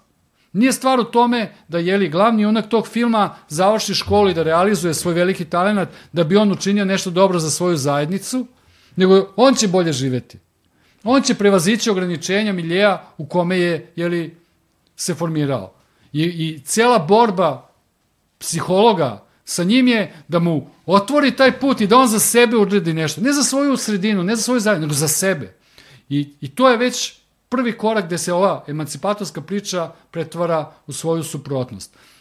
Najbolje, najbolje, najbolje je to prikazano na onoj sceni, toga se sećate kada Ben Affleck i Matt Damon stoji, kada mu Ben Affleck kaže, ako ti ne odeš u školu, nikad više neće razgovarati s. Dakle, oni su vezani, oni su ono, kao da su krvno soslo, oni su braća, toliko su spremni da urade sve jedan za drugo. Ali on kaže, ti moraš mene da ostaviš, jer ti možeš više nego ja, što je ordinarna laž. Ordinarna laž. Zato su uzeli genijalca. Zato su uzeli genijalca da bi to što izgovara Ben Affleck bilo uverljivo. Ali to nije smisao škole. Škola se ne pravi za genijalce. A kada ima genijalce, škola bi morala genijalce da upotrebi za zajedničko dobro, a ne da genijalcima otvori put da žive nekakav privilegovani, jako udoban život, a da ih nije briga za sredinu. I činjenica koja... da Ben Affleck uopšte može da osvesti i da izgovori tako nešto, govori o njegovom potencijalu da bude ostvaren. To je podmetanje. Mislim, da. nema, kako bih rekao, to je prosto, to je jedan ideološki umetak u film koji uopšte ne odgovara karakteru Ben Afflecka. Tako je. Tako da je to, to, to, to je prosto jedna intervencija autorska koja te otkriva sad svetonazor. Inače, kada ovo govorim, ja bih volao da se tako rade filmovi u školi. Da ti neko objasni šta su ideološke poruke u filmu, kako karakter izlaze iz svojih, jeli, zadatih osobina i izgovaraju stvari koje nisu primerene i da to rade zapravo autori, oni koji su to napravili da bi poslali neku poruku. Ja. Onda ti napravi lik naprave, izgrade lik koji je beskrajno dopadljiv, s kojim se ti identifikuješ, a onda ti kroz tog junaka podmetne nešto sa tim, sa čim bi se ti teško pomirio, kad bi o tome razmišljao mimo te priče. Recimo, primer, primer za, za, za, za, za, za takvo podmetanje ideoloških poruka su igre gladi. Da. Gde ti napraviš junakinju koja je predivna, koju ne možeš da ne voliš, onda ti ona pošalje jednu krajnje konzervativnu poruku. Isto se dešava i u Good Will Huntingu. Dakle, dakle polazi se od jedne dobre premise, a onda se tokom priče ta premisa pretvara u vlastitu suprotnost, prvo ovim, da ti ideš u školu da bi tebi bilo dobro, a nije te briga za druge, i to radiš uz blagoslov te zajednice, jer tvoj najbolji drug ti kaže da, da, to je ispravno, iako svi znamo da nije, a završava se cijela priča upravo u skladu sa tim, jer on čak bira da ne ode u školu, nego da ode sa onom devojkom. Jer ceo njegov problem i nije bio klasni, nego psihološki, jer on za Boga nije mogao da se veže ni za koga. Da. Pa je on svoj problem razrešio tako što se vezao za tu devojku. I gde je škola sad, nemamo pojma. Gde su klasne nejednakosti, nemamo pojma. Sve palo u drugi plan, cela priča koja je krenula kao klasna priča, se završava kao ljubavni roman, pomalo jeftin, i cela priča se iz jedne kolektivnog, jeli, pojmovnog okvira prebacuje jedan krajnje individualni, lični, koji se rešava nekakvim psihološkim jeli, stvarima. I vrlo je zanimljivo na koji način je postavljena uloga Robina Williamsa kao Tako psihologa je. u, u tom I tu filmu. imaš taj, to, to meni je bilo jako važno, meni je bilo jako važno da ispričam da ispričam, da ispričam tu priču. Ima ta scena kad njih dvojica sede u onoj njegovoj, šta je to? Ured, kancelarija, Kancelarija, recimo, da. ordinacija, ne znam šta. Pritom to vrlo liči na ovo. Da. Ovako oprženo knjiga, da ja ne znam gde smo mi sada da. Ovo, i šta mi radimo sada. I sad njih dvojica razgovaraju i ne znam, Matt Damon kaže Robin Williams da se čito Howarda Zina, znao bi šta je moj problem. A onda mu na to, jeli, Robin Williams odgovara, ne, ne, da si ti čitao Noama Chomskog, znao bi šta mi sada radimo. Gde mu on kaže, pa da, čitao sam ja Howarda Zina, ali je pitanje zašto se mi na taj način lako mirimo sa takvim očiglednim nejednakostima koje nikako moralno ne mogu biti opravdane. Zašto mi pristajemo na to? Howard Zinn se nije bavio time, on je samo teo da nam kaže da to postoji i kako je do toga došlo. Ali nije nam rekao zašto na to pristajemo. Čomski se bavi time. On se bavi našim pristankom na neprihvatljivo. Na moralno neprihvatljivo, na socijalno neprihvatljivo, kako god hoćeš, na nepravdu. Zašto pristajemo na nepravdu? I Robin Williams mu odgovara, kaže, ja znam ipak više od tebe, jer ti si dobacio do Howarda Zina, a ja sam čitao i Čomskog. Ja znam odgovore na tvoja pitanja, ali ti ne znaš šta je to što ja radim sa tobom. I onda, umesto da se to razvije i da se da se pokaže da se ne pristaje, a ne pristanak bi bio da je ovaj čovjek završio, sad ja, pošto sam loš scenarista, ja ću izneti jedan loš mogući kraj tog filma. Dakle, Matt Damon je mogao da završi školu i da ode da predaje u nekom slamu siromašnoj deci matematiku. I on je svoj talenat, svoj velike upotrebio za neko zajedničko dobro, a pritom bi čak od toga mogao i relativno pristojno, skromno, ali ipak pristojno da živi. Kad ali go- stalno je opcija da on ide u veliku korporaciju da zarađuje veliki novac. Kao da nema drugih opcija. Inače se to isto uči u školi i to je krajnje pogrešno. Deca se nikad ne pitaju da li je kraj mogao da bude drugačiji. Deca misle da delo čitaš od početka do kraja i da je ono takvo kako je zadato. I uopšte nemaju svest o tome da je neko svojom voljom napravi određeni kraj. Ne samo početak, nego i kraj. I da mi uvek možemo da razmišljamo iz bilo koje tačke koji su sve mogući krajevi. I kada shvatimo da su krajevi razni mogući, onda moramo da se pitamo zašto je autor izabrao baš taj kraj. Jer je to poruka autora. On je to izabrao namerno. Teo je nešto da nam kaže tim krajem. Autor ovog filma, dakle Matt Damon, je, mislim možemo da im oprostimo jer su zaista mladi. Kada pišu to i možda ne mogu, nisu mogli da osveste sve opcije i nisu mogli da osveste koja je ideološka posledica onoga što se ispričaju u tom filmu. Ali oni od jedne klasne priče prelaze na jednu individualnu ljubavnu priču i film koji počinje kao klasni sukob razrešavaju srećnim krajem romanse. To je taj film. I Meni, škola meni je se... najneverovatnija stvar u svemu tome da, je, da su Ben Affleck i Matt Damon dobili Oscara za scenariju. Ali to je, ali, ali to je, do, film je odličan, ja dan danas kad ga gledam, ja sam taj film gledao bezbroj puta, ja uživam dok ga gledam. Uživam dok ga gledam. Ali moram da budem, to je ono što ste gledao, ti možeš da uživaš, imaš pravo da uživaš, popularna kultura i služi da uživamo u njoj. Ali moramo da budemo sposobni da napravimo odmak i da onda i te, te, te interpretiramo to. Ja ne moram, ne moram da se ugledam na meta demona, iako mogu da ga beskrajno volim kao junaka u tom filmu. Ali ne moram da prihvatim sve poruke koje imam šalje kroz taj film. E to, da razlikuješ to, da možeš da voliš, da možeš da se identifikuješ, ali da imaš pravo da ne prihvatiš poruku. Jeli, ova glavna junakinja igre gladi, meni je ona predivna. Ja sam film sam gledao, ne znam, pa sam onda zbog filma pročitao knjige. Knjige su slabije, bar ovaj naš prevod od, od, od filmova. Ali, ali ona beskrajno dopadljiva. Još uzmeš, jeli, ovu glumicu, razumeš, koja je u tom filmu fenomenalna, sad su naravno, neću setiti njenog imena, kako mi to inače ide sa imenima, ovaj, i, i, i sve to, i, i sad, znaš kao, sad sad treba se osjećam krivim što uživam u tom, ako vidim šta mi radi film, vidim da hoće da mi podvali. Pa ne, uživat ću, ali ne dozvoljam da mi podvali. E to, To je proces koji treba da se uradi u školi sa popularnom kulturom. Uživajte, nije ništa strašno, to su vredna dela, ponekad jako dobre priče, ali morate da umete da ih tumačite. Morate da vidite šta te priče hoće s vama. Dakle, to je priča o Good Will Huntingu. On ti zapravo u jednom trenutku izbriše školu i cijelo priču predstavi kao nekav individualni ja. problem. A s druge strane, kad govorimo o jednom drugačijem razrešenju unutar isto školskog sistema, o jednom prećutnom pristanku i jednom začaranom krugu mm -hmm. i govorimo o Half Nessonu. Tako je. I on, Half Nesson, ti vidiš da su to dvoje autora tog filma, kojim naravno ja opet sam zaboravio imena, ovaj, ali naravno Rajana Goslinga ćemo svi da pamtimo ime i prezime, ovaj, ti, vidiš, ti vidiš zapravo da se oni nose sa svim problemima koje se on povlači kritička pedagogija. Uh, kritička pedagogija, kako je zamislio Freire, o tome ima, jeli, taj tekst delu. na početku, da, kako je on zamislio, ona se obraća vrlo određenoj grupi. Ta grupa je diskriminisana i ona mora da se bori da popravi svoj položaj. Kritička pedagogija nikada nije zamišljena kao jedan opšti program koji se odnosi na sve. Ona se uvek obraća onima koji su ukinuti, koji trpe ne, zakinuti za nešto, uh, trpe nepravde i sve ostalo. Uh, uh, onda imaš kao što je Žiru i neki drugi pokušavaju da kritičku pedagogiju uopšte i da je dovedu do nacionalni nivo. Da zapravo to postane nekakav model obrazovanja koji bi bio primenljiv u svim školama. Bez obzira na to da li deca dolaze iz tih diskriminisanih grupa ili dolaze iz privilegovanih grupa. Prosto bi svi trebalo da budu izloženi kritičkoj pedagogiji. To je ono o čemu smo pričali na početku. Pretpostavka da bi kritička pedagogija učinila đake, a onda i odrasle ljude osetljivijima za nepravdu. I onda se smatra da i deca iz privilegovanih kuća, sredina, da bi ona bila osetljivija na nepravdu i da bi onda bila, lakše bi, recimo, pristajala na neke socijalne programe koje bi izlazili u susret potrebama ljudi koji su jeli socijalno uskraćeni. E sad, problem sa tim je što zapravo deca pružaju otpor. Neće. A onda je problem i sa tim što ti imaš decu koja dolaze iz tih diskriminisanih grupa, koje zapravo možda ne žele da urade ništa za svoju grupu. I zaista hoće put za sebe. Da. A ako hoće put za sebe, onda taj pristup kritičke pedagogije mora da bude usklađen sa onim što je škola danas, a to je taj privid meritokratije. Ti ideš u školu, pokazuješ koliko si sposoban i na osnovu toga koliko si sposoban napreduješ dalje.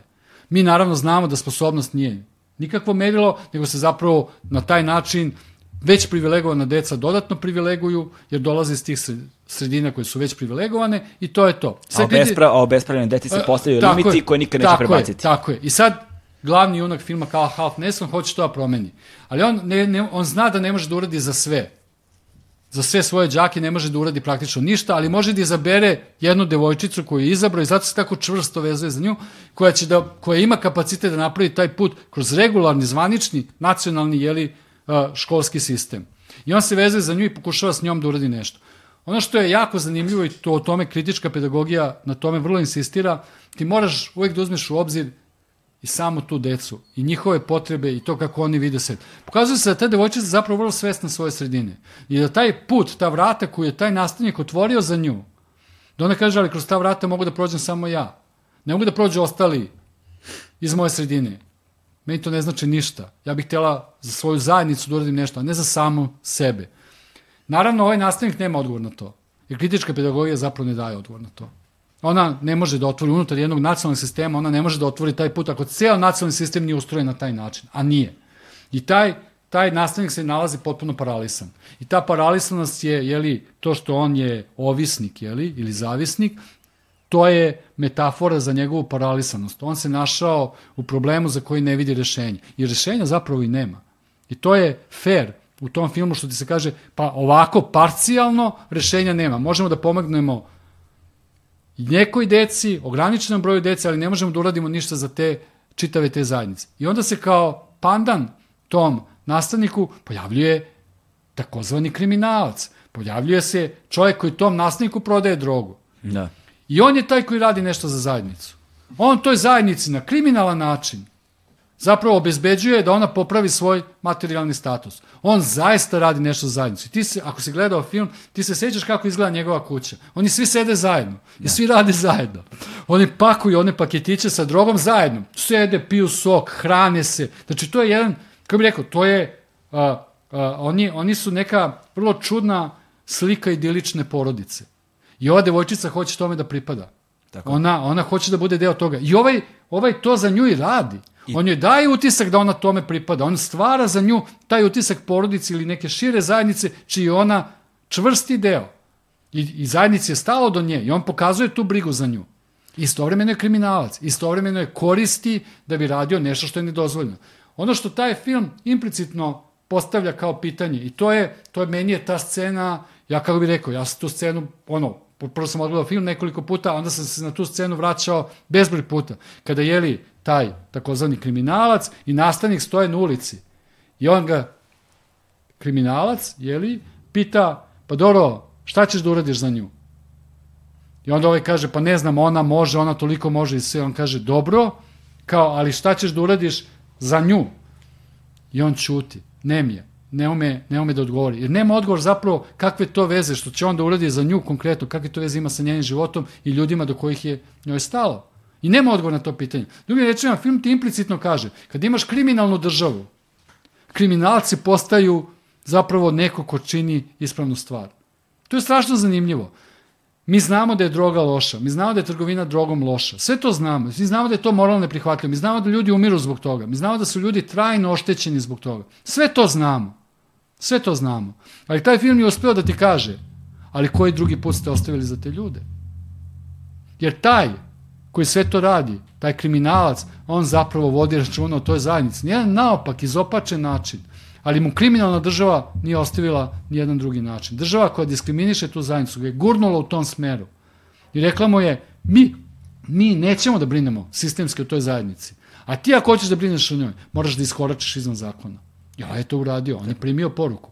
I ono što je sjajno u toj priči jeste što ona apsolutno savršeno dobro može da se preslika na sistem u kojem živimo mi, Pa jer u, jedno, u ovoj kriminalnoj državi i u ovom obrazovnom sistemu koji apsolutno ne funkcioniše, kada govorimo o toj obespravljenoj deci, oni zapravo, e, mi podcenjujemo, konstantno podcenjujemo potrebu da pripadamo, Tako je. da se identifikujemo i taj takozvani e, duboki prijateljski, skoro pa porodični odnos, taj moment u kojem više ne znaš da je jedno prijateljstvo počinje, da je porodični odnos, Da. da.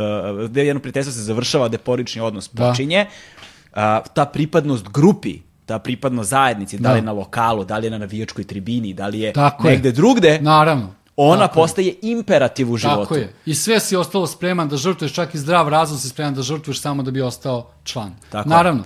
E sad, samo mala, mala, malo da nijansiramo to što si ti rekao.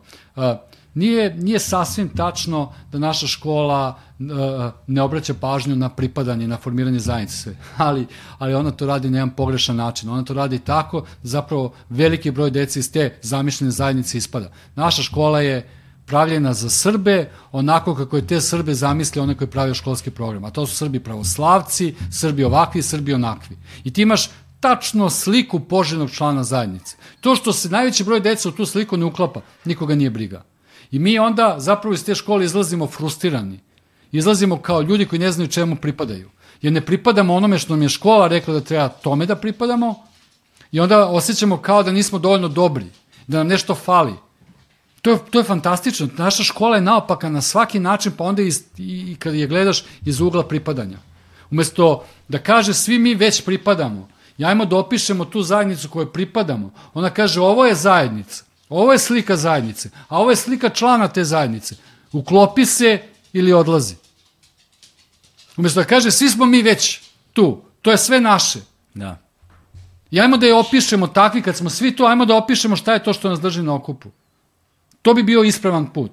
Jer mi već jesmo zajedno. Mi živimo zajedno. Mi delimo nešto. Škola kaže ne, ne, ne, ne, ne. Ne, ne, ovo je ispravna zajednica. I ovo je ispravan član te zajednice. A sve ostalo je odstupanje. Tolerisat ćemo.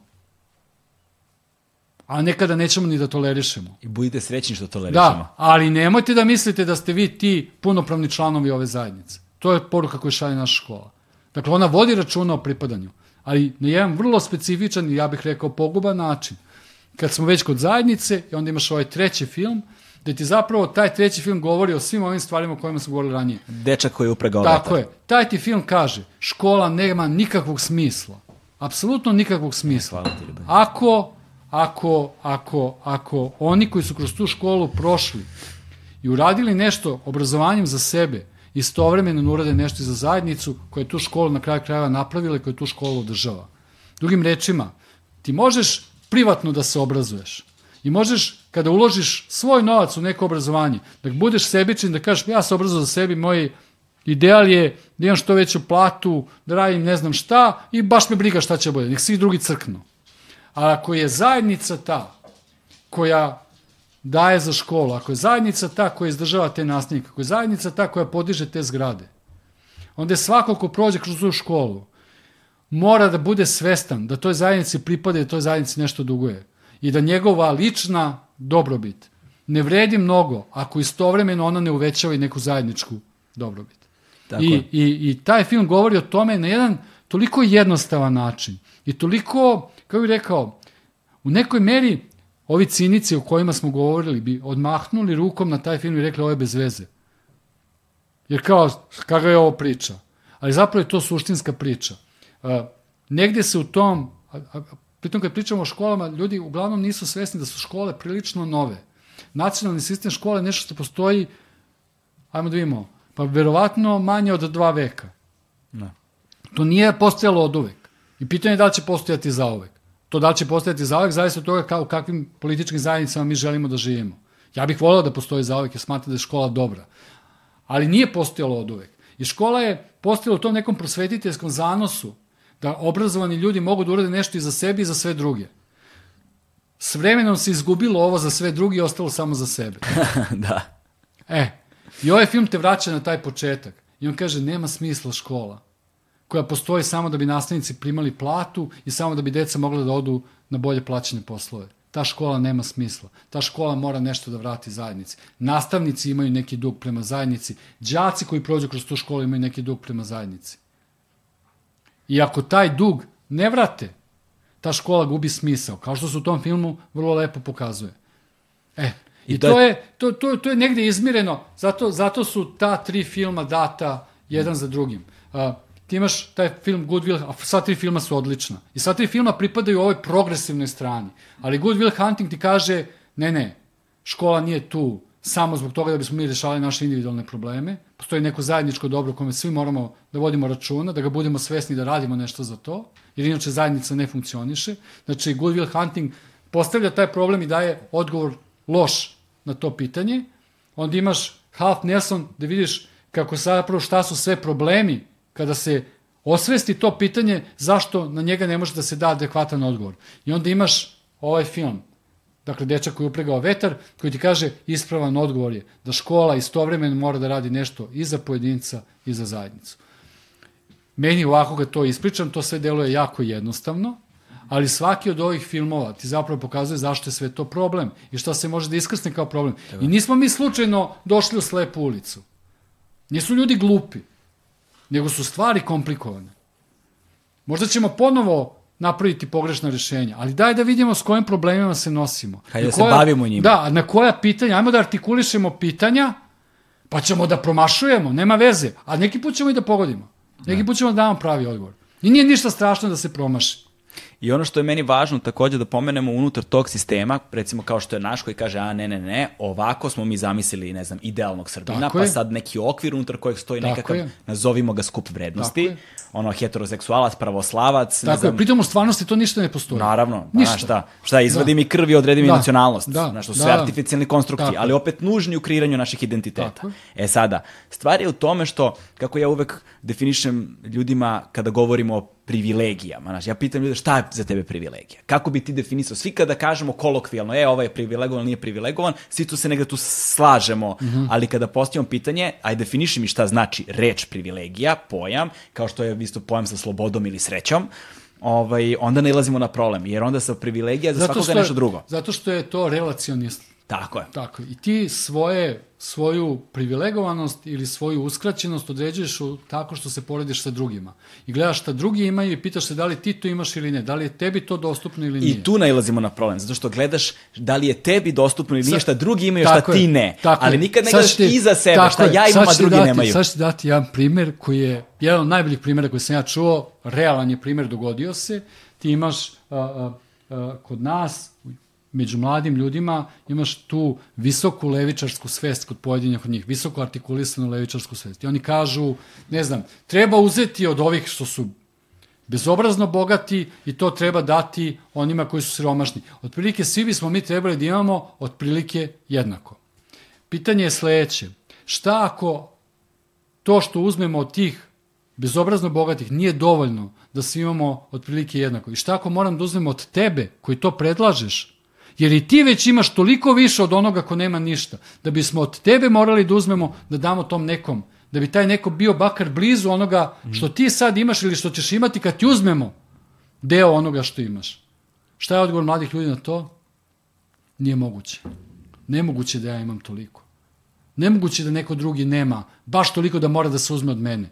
Oni uvek zamišljaju, to je problem recimo sa našim levičarima, kojima se ja izvinjavam ako sam ih pogrešno podveo pod jedan jeli, kišobran, ovaj, oni misle da samo treba da se uzme od nekog i da se da njima.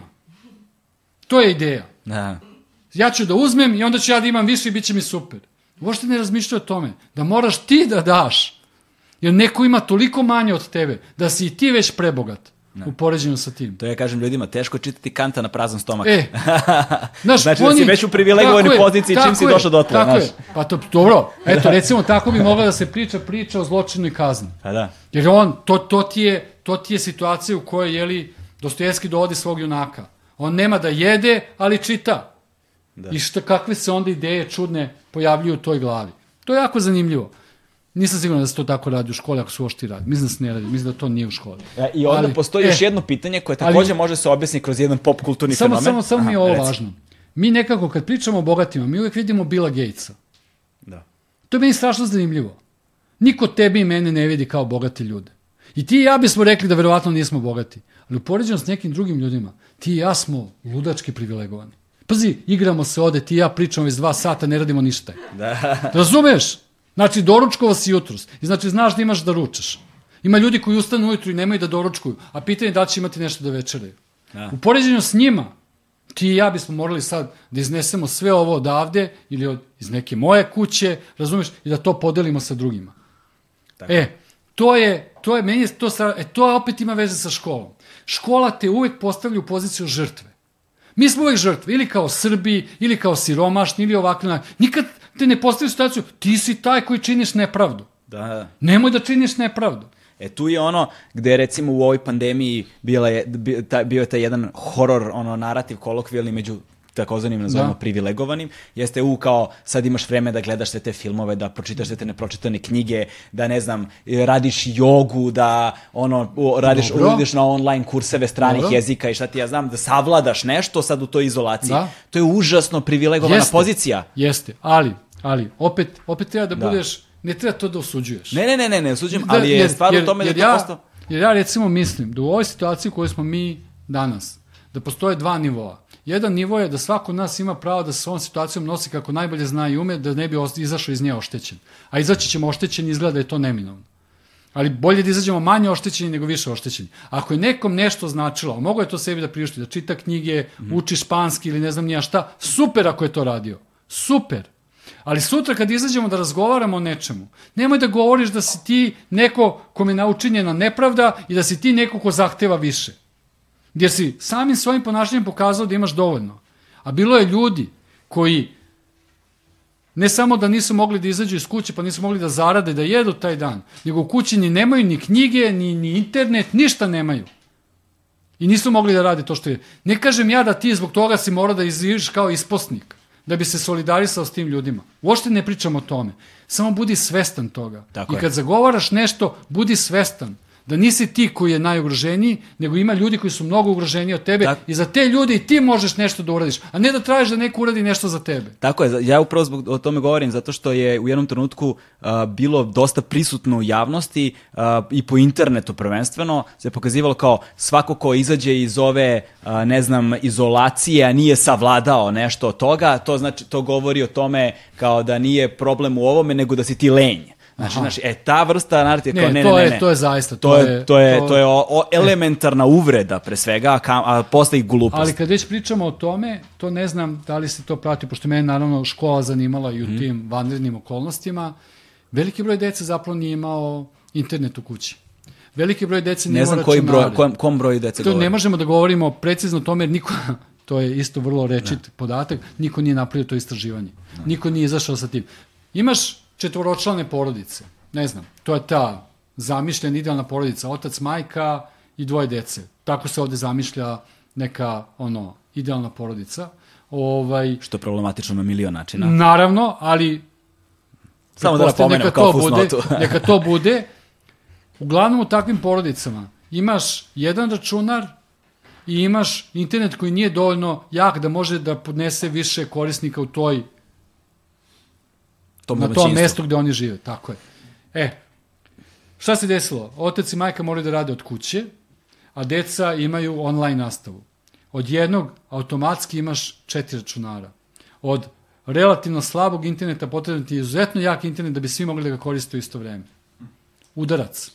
To je dobrostojeća porodica, očigledno, jer imaju taj jedan računar, imaju internet sve kući. Za njih je ovo bio jak udarac. Niko o tome nije vodio računa. Nastavnici. Mi stalno zamišljamo nastavnike kao ljude bez porodica. Oni su samo tu u školi i oni rade s decom. Nastavnici su morali da rade od kuće. U toj kući imaju opet nekog partnera i imaju opet neku decu. Neki od njih. Niko im nije dao računar. A ne samo da im je bio potreban računar za njih, nego je bio potreban računar za sve ukućane.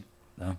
Niko o tome nije vodio računa. I jak internet. Ja znam, znam, pošto jeli razgovaram s tim ljudima, ja znam da je brdo, ovo zvuči kao, ali veliki broj nastavnika kupovao računare polovne i davao novac za brži internet da bi mogli da rade svoj posao. Ministarstvo kada je izašlo sa programom online nastave, ni jednog trenutka nije pitao ljudi, jel imate vi novca da priuštite sebi resurse koji su potrebni za online nastavu. Ni jednog trenutka. Ni za decu, ni za nastavnike. Znaš koje je rešenje bilo? Za nastavnike koji nisu imali odgovarajući jeli, ono, ni računar, ni internet u kući, neka dođu u školu. A onda se pokazalo da se škole koje nemaju resurse za tako nešto. A za decu koje nemaju kod kuće internet ni računar, za njih su nastavnici morali da štampaju. Pritom se ne kaže gde da štampaju. Što znači da su neki nastavnici vratno kupili štampače. Da štampaju materijale, da ostavljaju u školi, da roditelji dođu u školu i da onda nose kući svoje deci. Sad ta deca se druže. Ta deca se čuju. Ako nemaju računar, imaju si mobilni telefon. Zamisli neku vrstu povređenosti ili, ili poniženja koje osjeća dete čiji roditelj ide u školu ili staratelj ide u školu da uzme oštampane materijale, jer nema računar i nema internet u kući. Niko o tome nije vodio računa. Niko. Meni to neverovatno. Ne, ko je viđen, ko nije viđen, Tako znaš je, to. tako je, tako je. Tako da meni to, to su stvari koje su se događale. To su stvari koje su događale. I sad, znaš, a, ti, ti moraš, ne znam, škola mora da vodi računa o tome. O tome mora da se razgovara, to mora da se izgovori, to mora da se ispriča. Šačević mora da kaže, treba nam tri nedelje, da, da popišemo nastavnike kojima je nešto potrebno i da im onda to damo, da bi mogla da krene uopšte online nastava. Krenula je odmah sledećeg dana kada je doneta odluka, a onda su ljudi, pošto je ponedeljak izgubljen jer je u ponedeljak doneta, u subotu odrađivali taj izgubljeni ponedeljak. A niko nije pitao, jel imate ljudi s čim da radite, ili imaju ta deca s čim da rade. Pritom, čak nije ni to da li neko ima, neko nema. Da ne bi pravili tu vrstu uh, razlikovanja među zaposlenima, ministarstvo je bilo obavezno. 100.000 računara, izvolite podelite. I onda zapravo shvatiš da živiš u državi koja je nesposobna, koja, ti se, koja te zamajava najrazličitijim glupostima, a elementarne stvari nije u stanju da organizuje elementarne stvari kao što je obrazovanje. Ako država nije u stanju da organizuje obrazovanje i da organizuje zdravstvenu zaštitu, ne treba postoji. Mi živimo u ovom trenutku sa jasnom svešću o tome da Srbija nije država. Ne zato što formalno postoji ili ne postoji, ne zato što je Kosovo u njoj ili nije u njoj, nego zato što ne može da pruži osnovne usluge zbog kojih postoji država. I to nam se sad demonstrira na najogoljeniji mogući način. Nije u stanju bre izvo- izvede policiju koja je sposobna da spazi, da baci suzavaca da se ne otruje od toga. Svataš ti o čemu mi pričamo? Razumeš? Da, razumem. E, i sad, i sad se mi nečega igramo. Ja pišem ovde, radite nastavnici naučnu fantastiku u školi. I ja se zavitlao. Razumeš? Jer zapravo su problemi još banalniji od toga. Naravno da je problem što u školi niko ne uči da razmišlja o budućnosti. Niko, nikome se ne kaže kako ti zamišljaš ovaj svet za 10 godina i gde vidiš sebe za 10 godina. Što bi moralo da bude elementarno pitanje za svako dete. I naravno da to dete u tom trenutku ne ume da odgovori na to pitanje. Ali ga učiš da misli i da je njegova sudbina njegova stvar i da od njega zavisi ili od nje zavisi šta će da bude. To ga učiš kad ga pitaš, da razmišlja o budućnosti. Da, jedan od najvećih problema koje sam ja imao u životu odrastajući, sa kojim se negde borim i dan danas, sa 38 godina i sa ne znam kojim uspehom koji sam umeđu vremenu ličnim ovaj, postigao, jeste što uh, i dalje se borim sa time da stvaram ideju i da, i da, i da ona bude legitimna uh, sa time gde mogu sutra da budem. Koja je moja budućnost. Da pravim projekcije i planove za, ne znam, 10 godina napred. Ali ja ne vidim zašto je to tvoj problem. Ja to samo pokazuje da si ti zrela osoba. Da. Pa ne, nego samo kažem, ne, problem je da, da sebe, prosto sebe teram na to, ne ide mi to od ruke jednostavno, Pa da, jer sam bru, pa bukvalno niko- do, ju, jer sam bukvalno do juče najdalje mogu da planiram svoj život sedam dana Pa onapred. naravno, ali, ali šta ti je, kako bi ti rekao? Nisam se učio da razmišljam na taj Ali način. šta- Niti sam bio u sistemu koji mi je to omogućavao. Pa naravno, ali, ali, ali, ali najveći broj ljudi upravo u toj situaciji. Tako je. Nema ničeg nenormalnog u tome što se ti nalaziš u toj situaciji ili što se ja nalazim u toj situaciji. To je normalna situacija. Ali ju je škola i neka očekivanja od nas učinila nenormalno. Znaš, uh, mi smo živjeli u državi u kojoj se ti zaposliš na jednom mestu i dočekaš penziju na istom radnom mestu. U istoj firmi. To je bila, to je bila država u kojoj sam se ja, u kojoj sam se ja školovao. u kojoj sam se ja rodio. Da, najveći broj ljudi dan danas tako gleda. Ja ne znam kako se to zadržalo. Ne znam, majke mi, evo, ja, ja meni dođe da pitam ljude, otkud vam ta ideja? Ta država se raspala. Raspala se zbog nečega. Bio je razlog zašto se raspala. Ja bih rekao uvek, srušili su i oni koji su živali tu privilegiju, da se zaposle na jednom radnom mestu i da na tom radnom mestu dočekaju penziju. I da jednog trenutka ne po- pomisle da bi mogli da budu gladni. Ti ljudi su je srušili. Ti ljudima to ništa nije značilo. Teli su više od toga. A sad nemaš ni to. Znaš, I normalno to je. je, i to je, i to je zbog čega, sad da, da, se vratim, da se vratim na temu, da pomenemo privilegiju, uh, onoj kojoj smo govorili, i da pomenemo ovaj, taj odnos projektovanja vizije sebe i svoje zajednice Mm. u budućnosti. Dakle, kada govorimo o toj privilegiji u kojoj mi učimo kao šta drugi imaju što ja nemam, pa kao na taj način se odnosimo, kako da se odnosimo prema onima koji imaju, gde ja imam, a drugi nemaju, e to je ono gde govorimo o obrazovnom sistemu koji mora da obrazuje mlade, koji su osetljivi na Tako ta prstanja, na koji su Naravno. osetljivi na pitanje obespravljenih, jer to je uvek veliko pitanje, to, to, je jedna. se, to se kaže, moraš da obrazuješ ljude da sistem procenjuju iz ugla onih koji najlošije prolaze u tom sistemu. Tako je. To je užasno jednostavno. I druga stvar u vezi sa, sa, sa posmatranjem sebe i sobstvene zajednice iz koje dolaziš i ono na šta ti polažeš pravo ili ne polažeš pravo, sam najbolje osetio sa, u, kada sam počeo da radim u stranim firmama, uglavnom velikim zapadnim firmama. I onda sam se sretao sa tim ljudima, to su bili moji saradnici sa kojima sam ja svakodnevno komunicirao. I onda način na koji jedan Englez, jedan Amerikanac ili Nemac posmatraju sebe, svoje slobodno vreme, čime se oni bave, bave i na koji način oni razmišljaju u odnosu na nas ovde, tu govorimo o onom momentu podaničkog mentaliteta, razumeš, i onih koji sebe doživljavaju a, a, kao da im život nešto duguje. Znači, koji imaju pravo na nešto, koji imaju pravo na grešku, koji imaju pravo da pokušaju, je. koji zamišljaju stvari, radit ću ovo, pa ako propadne idemo ovo. Ljudi koji odrastaju gde je ono do 30. godine radio je 75.000 Tako je. poslova. Tako je. Znači, i, i, i onda, a s druge strane ovde mladi kad razmišljaju polaze odmah iz te defanzivne pozicije, jer jebi ga, znaš, 70% vremena mora da razmišlja o tome da li će imati plati telefon, struju, da li će imati tri puta dnevno Tako da je. jede, znaš, koje vreme to osoba može da provede u kreativnom procesu zamišljanja Tako je. nekakvih stvari. To si ti u pravu. I sad izgleda kao opet da su mladi ljudi ovde u Srbiji za nešto uskraćeni. Ima jedan dokumentarni film, isto se tiče obrazovanja, nije baš najbolji film zato što je nastavnik u tom filmu prikazan na jedan način koji meni bio poprilično neobičan, pa kao zato to, u tom filmu nisam ništa, ništa, ništa ni, ni, ni želeo da, da, da, da nešto kažem. Ovaj, ima tu scena, to je, evo sad, kakav sam sa sećanjem naravno, ali u mojim godinama je to oprostivo.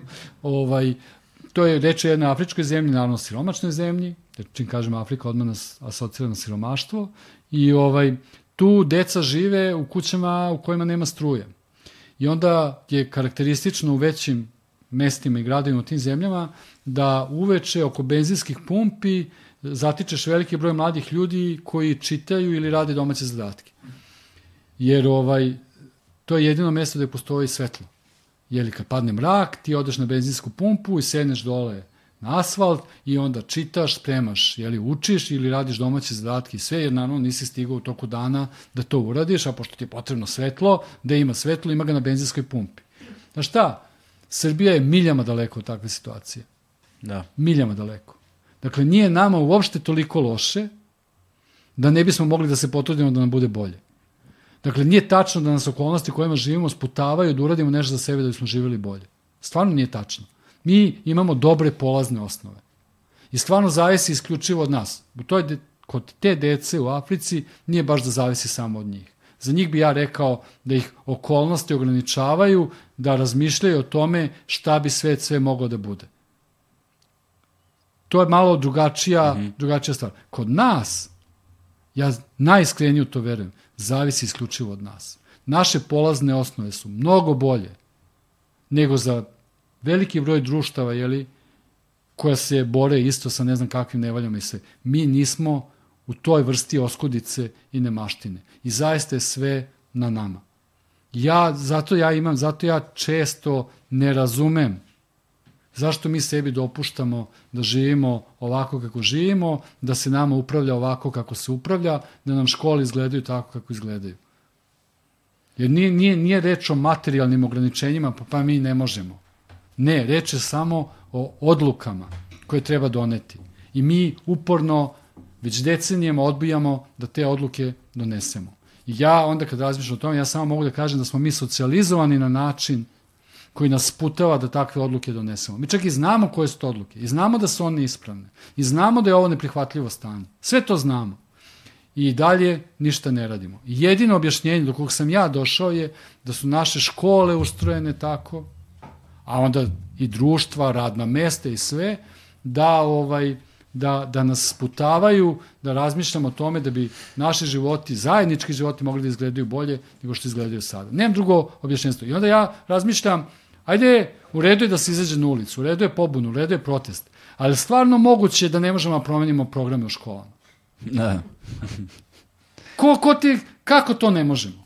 Ne. Ko? Dođe Sačić i kaže ne dam. Ti kažeš, aha, važi i zaustaviš rad u školama, nećeš da radiš. No i kažu, neš dobiješ platu. To se sjećaš, to je naj, naj, najvažniji događaj koji se ja mislim dogodio u Srbiji i tad je zacementirana ova vlast. Onaj šestomesečni štrajk prosvetnih da. radnika. Šest meseci su ljudi štrajkovali i slomili su ih na platama. A onda Verbić kao veliki pokojnik sad se predstavlja kao ne znam kakav opozicionar i sve. A on ih je slomio. Mjesto da stane zajedno s njim u taj štrajk. Šta ga je koštalo da stane zajedno s njima? Ali ne, on je tad bio poslušni vojnik režima, a onda kad se slomila batina o njegova leđa, e onda je postao, shvatio je kako stoje stvari zapravo. E, zato ja mislim, zato ja mislim da, da, da, da umesto super su izlasti na ulici, ulice i super je pobuna i protesti, sve to u redu, ali postoji više frontova. Jajmo da krenemo raznim tim frontovima da vidimo šta može da se uradi. Jedan od tih frontova je škola. Jajmo da vidimo da li može da se promeni škola. Ja mislim da može. Ja mislim da može, da će otpor biti jak, ali će svakako biti manje opasno nego da se izlazi na ulicu. Svakako će biti manje opasno. Pa pritiskaš. Pritiskaš, malo pretiš štrajkom, malo insistiraš, malo se dogovaraš, malo objašnjavaš, Znaš, i tu se vraćam sad na ovo što si, što na Žiroa, jel te, kad kaže, pošto se u školi utvrđuju reprodukuje legitimno znanje, uvođenjem popularne kulture u kurikulume, pokazalo bi se poštovanje prema svakodnevnom iskustvu dece iz redova lošije stojećih društvenih grupa, što bi za uzvrat trebalo da pedagoški, i sad je to ključna reč, osnaži njihovo samopoštovanje. Ima. I mislim da mi generacijski imamo problem sa time, jer imamo celokupnu jednu Tako naciju je. koja pristaje, odnosno koja je u jednom trenutku dodatno primorana, a potom kao domino efekat lančano počela da pristaje, gde ti sad imaš na svim nivoima i autoriteta, ne vlasti, ali na svim novim vojama autoritete, na svim novim vojima obrazovnog sistema ljude koji su od dece do onih koji tu decu uče, koji su pristajali na to, svesno ili nesvesno, i gde je taj problem samopoštovanja i doživljavanja da ti na nešto imaš pravo, da ti nešto možeš da promeniš. I to je ono sa čime smo počeli razgovor. Tako je. Znaš, da li nešto može se promeni, ne može ništa da se promeni, a konstantno se svaki dan sve oko nas I, menja. i ja, a, ako smo pri kraju, pošto pretpostavljam da jesmo ili je ovo delovalo kao da Ne, zaključuješ razgovor. ne, ne, ne, nije, nego, Ovaj, nego sam se samo setio, E, da. ovaj, uh, o tom popularna kultura u školi, recimo ja bi, to mi je sad ovaj, nešto, nešto o čemu razmišljam, ja bi recimo uveo da se, da se čitaju stripovi iz serijala Batmana i da se gledaju filmovi. Jer Batman govori o jednoj jako zanimljivoj stvari. Uh, uh, Batman je strip o korupciji i strip o uzimanju pravde u svoje ruke. I šta se događa kad uzmeš u pravdu u svoje ruke? Šta se događa kad imaš zajednicu koja se oslanja na super junaka kao svog zaštitnika? Ja bi recimo radio sa decom Batmana. Gledao bih filmove, čitao bih stripove i razlagao bih tu priču. Zašto? Zato što je nama Vučić prodao priču o Batmanu. On se nama predstavlja kao super junak. A zapravo je, što svi svojim očima vidimo, ludački nesposoban. I kad ti preko stripa ispričaš deci od priču o tome šta to znači super junak i kakve su posledice po zajednicu koja se oslanja na super junaka, ti si onda razgradio i Vučićevu priču. A da nijednog trenutka nisi spomenuo Vučića. I da se to uveo u školi, onda su deca ne samo imuna na Vučića, nego su imuna na svakog sledećeg koji bi sebe teo da predstavi kao Batmana. Da. E to je, ne znam, meni se čini da je to, da bi to, da bi to imalo smisla. Pritom, znaš, imaš i ozbiljna književna dela koja se bave istim temama. Imaš te, te romane, pogotovo ovih latinoameričkih pisaca, jer te latinoameričke zemlje su prošle sve ono kroz što mi sada prolazimo. I ti imaš ozbiljna dela koja se bave istim skupom tema kojim se mi danas bavimo jeli u svakodnevnom životu. Pa može i to da se čita. Ali znaš, treba ti nekoliko dana da pročitaš te romane. Prosto je zahtevnije. A ovdje imaš, čitaš za sat vremena, gledaš slike, šareno, veselo, nije baš veselo, Da. ovaj, a, i sve, A, nije, a ne, to, često nije ni šareno. da, iščitaš to i možeš sve nekako, kako to stripovi inače rade, sve je vrlo jednostavno. I ovo jesu jednostavne stvari. Ako neko hoće sad nijansu i komplikovanije, onda praviš sledeći korak. Ali prvi korak, ajmo da ih zainteresujemo za tu priču. I onda ih zainteresuješ preko onoga što se njima obraća, jezikom koji je njima razumljiv. Ne guraš im Anu Kareninu u ruke. Nego im daš ono što odgovara načinu na koji oni u ovom trenutku komuniciraju sa svetom. Ja bih dao deci, to, to, to stalno govorim, normalna škola bi imala kabinete za video igre, za računarske igre. I deca bi u okviru svoje nastave igrala igre. Ti imaš, to, to su razrađeni problemi, nisam ja to izmislio, to već radi u nekim školama. Znaš, deca se ubijaju od igranja igre. Šta mi znamo o igrama? Kad igraš igru, postaješ zavisan i to je opasno. Otprilike igra je jednako droga. I odmah si kriminalizovao, diskvalifikovao celu tu priču. A deci je to užasno zanimljivo. I s druge strane, tu, na, na, na droga dodajemo i zaglupljivanje. Jeste. A Znači, i zakržljalost. A zapravo sve to govore ljudi koji u životu nisu videli igru. Tako je. I nikad je nisu odigrali. A deca se ubijaju od toga, pa valjda postoji neki razlog zašto ih to zanima. Pa nisu sva deca baš totalno glupa i mi moramo da ih opametimo. Valjda su neka deca pametna sama po sebi i izabrala su nešto zato što im to odgovara. A postoji sad još jedan dodatni efekat na sve to u tom našem obrazovnom sistemu, koje je ono fundamentalna razlika u psihološkoj konstituciji dece Mhm. i onih koji im predaju ili koji grade taj sistem, jeste što je jedan klinac prosečan od ne znam 9-10 godina koliko on sedi, počinje dan ono u pola noći sa njih hao, jel te, govori neki e, kineski, mandarinski, koji god govori korejski, govori i engleski, komunicira preko pola sveta sa gomilom ljudi, igra igricu isto vreme, komunicira sa Kevom, jebi ga da mu napravi sendvič, šalje neke poruke, ostavlja neki status, Tako negde je. multitaskuje na Tako 20 je. nivoa, 16 sati i onda dođe u školu I gleda- nesposoban je. I gleda lika koji 45 minuta piše Da. kredom na tabli. Da.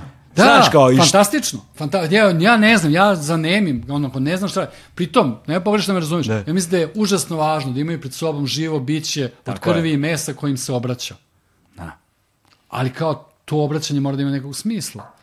Eto, tako da... I mora da bude dvosmerno. Ma naravno, da. Ne samo jednosmerno gde ti samo dotulju i tako. Jesmo ispunili mi tu tvoju meru? Koliko Ma nema to? mere, nema. Ovde razgovor traje koliko traje. Aha, ako ko... ćemo šest sati, ja sedemo, sedit ćemo šest sati, ako ćemo tri dana, tri dana, znaš, Aha. samo da imamo da jedemo dobro. i da pijemo, da se da. prosučemo i stuširamo da, i to, nemoj da dobro. da brineš. Ali dobro. u suštini mislim da smo pokrili ovaj, ono što je za naš razgovor bilo važno, a, tako da a, još jednom da pomenem, fantastična škola, novi prilozi za drugačiji a, kurikulum. Svaki put kad izgovorim kurikulum, imam utisak kao da izgovorim. To, to, to, to sam te inače kažem, to problem je ta terminologija odnosno reči koje ja koristim. Na, naravno da je kurikulum isto što je nastavni program, pa sad kao ima i potpunog preklapanja, ima i malo razlika između ta dva termina, ali evo da me sad ubiješ zašto sam napisao kurikulum, a ne nastavni program, evo, čak nemoj da ti kažem. Da. A, a, a, a, ali, ali, ali, mislim, Otko znam, nije ništa to što stoji ta reč kurikulum, to kažem, to je da. nastavni da. program ili sadržaj ili nije nije važno, već šta god nije nije nije nije na toj jednoj reči nije nije ona To, evo sad se nerviram što sam upotrebio. Ali dobro. ne, već, da. dakle, fantastična škola, novi prilozi za drugačiji nastavni program, SF, horror, fantastika, autor Dejan Ilić, jel te, izdavaštvo Fabrika knjiga, ja ću u opis videa staviti link ukoliko želite da kupite knjigu, ja zaista toplo preporučujem da probamo najzad da shvatimo da i svo to znanje nije nikakav bauk u suštini, ali je sistem u kojem živimo takav da nam ga ne onemo, da nam ga onemogućava. Pa i, i kad pričaš o znanju, najčešće nije stvar u tome šta i koliko znamo, nego da ono što već znamo umemo da organizujemo tako da sa tim umemo nešto da uradimo. Znaš, ideja da ti ideš u školu da nešto naučiš je vrlo sumnjiva. Da. Škola ti zapravo najčešće pruža okvire u koje ti postavljaš ono što već znaš.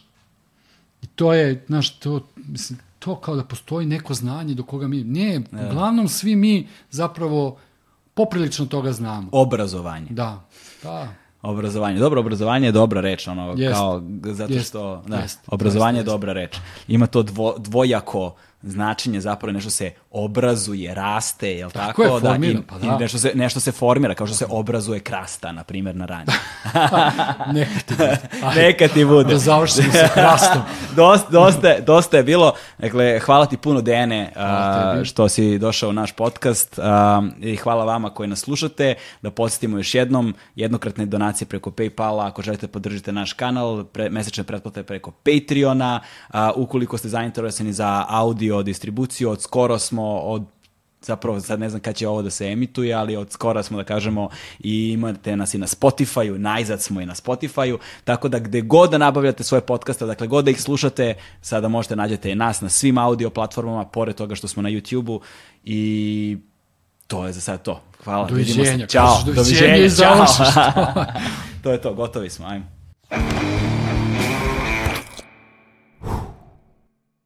Hmm.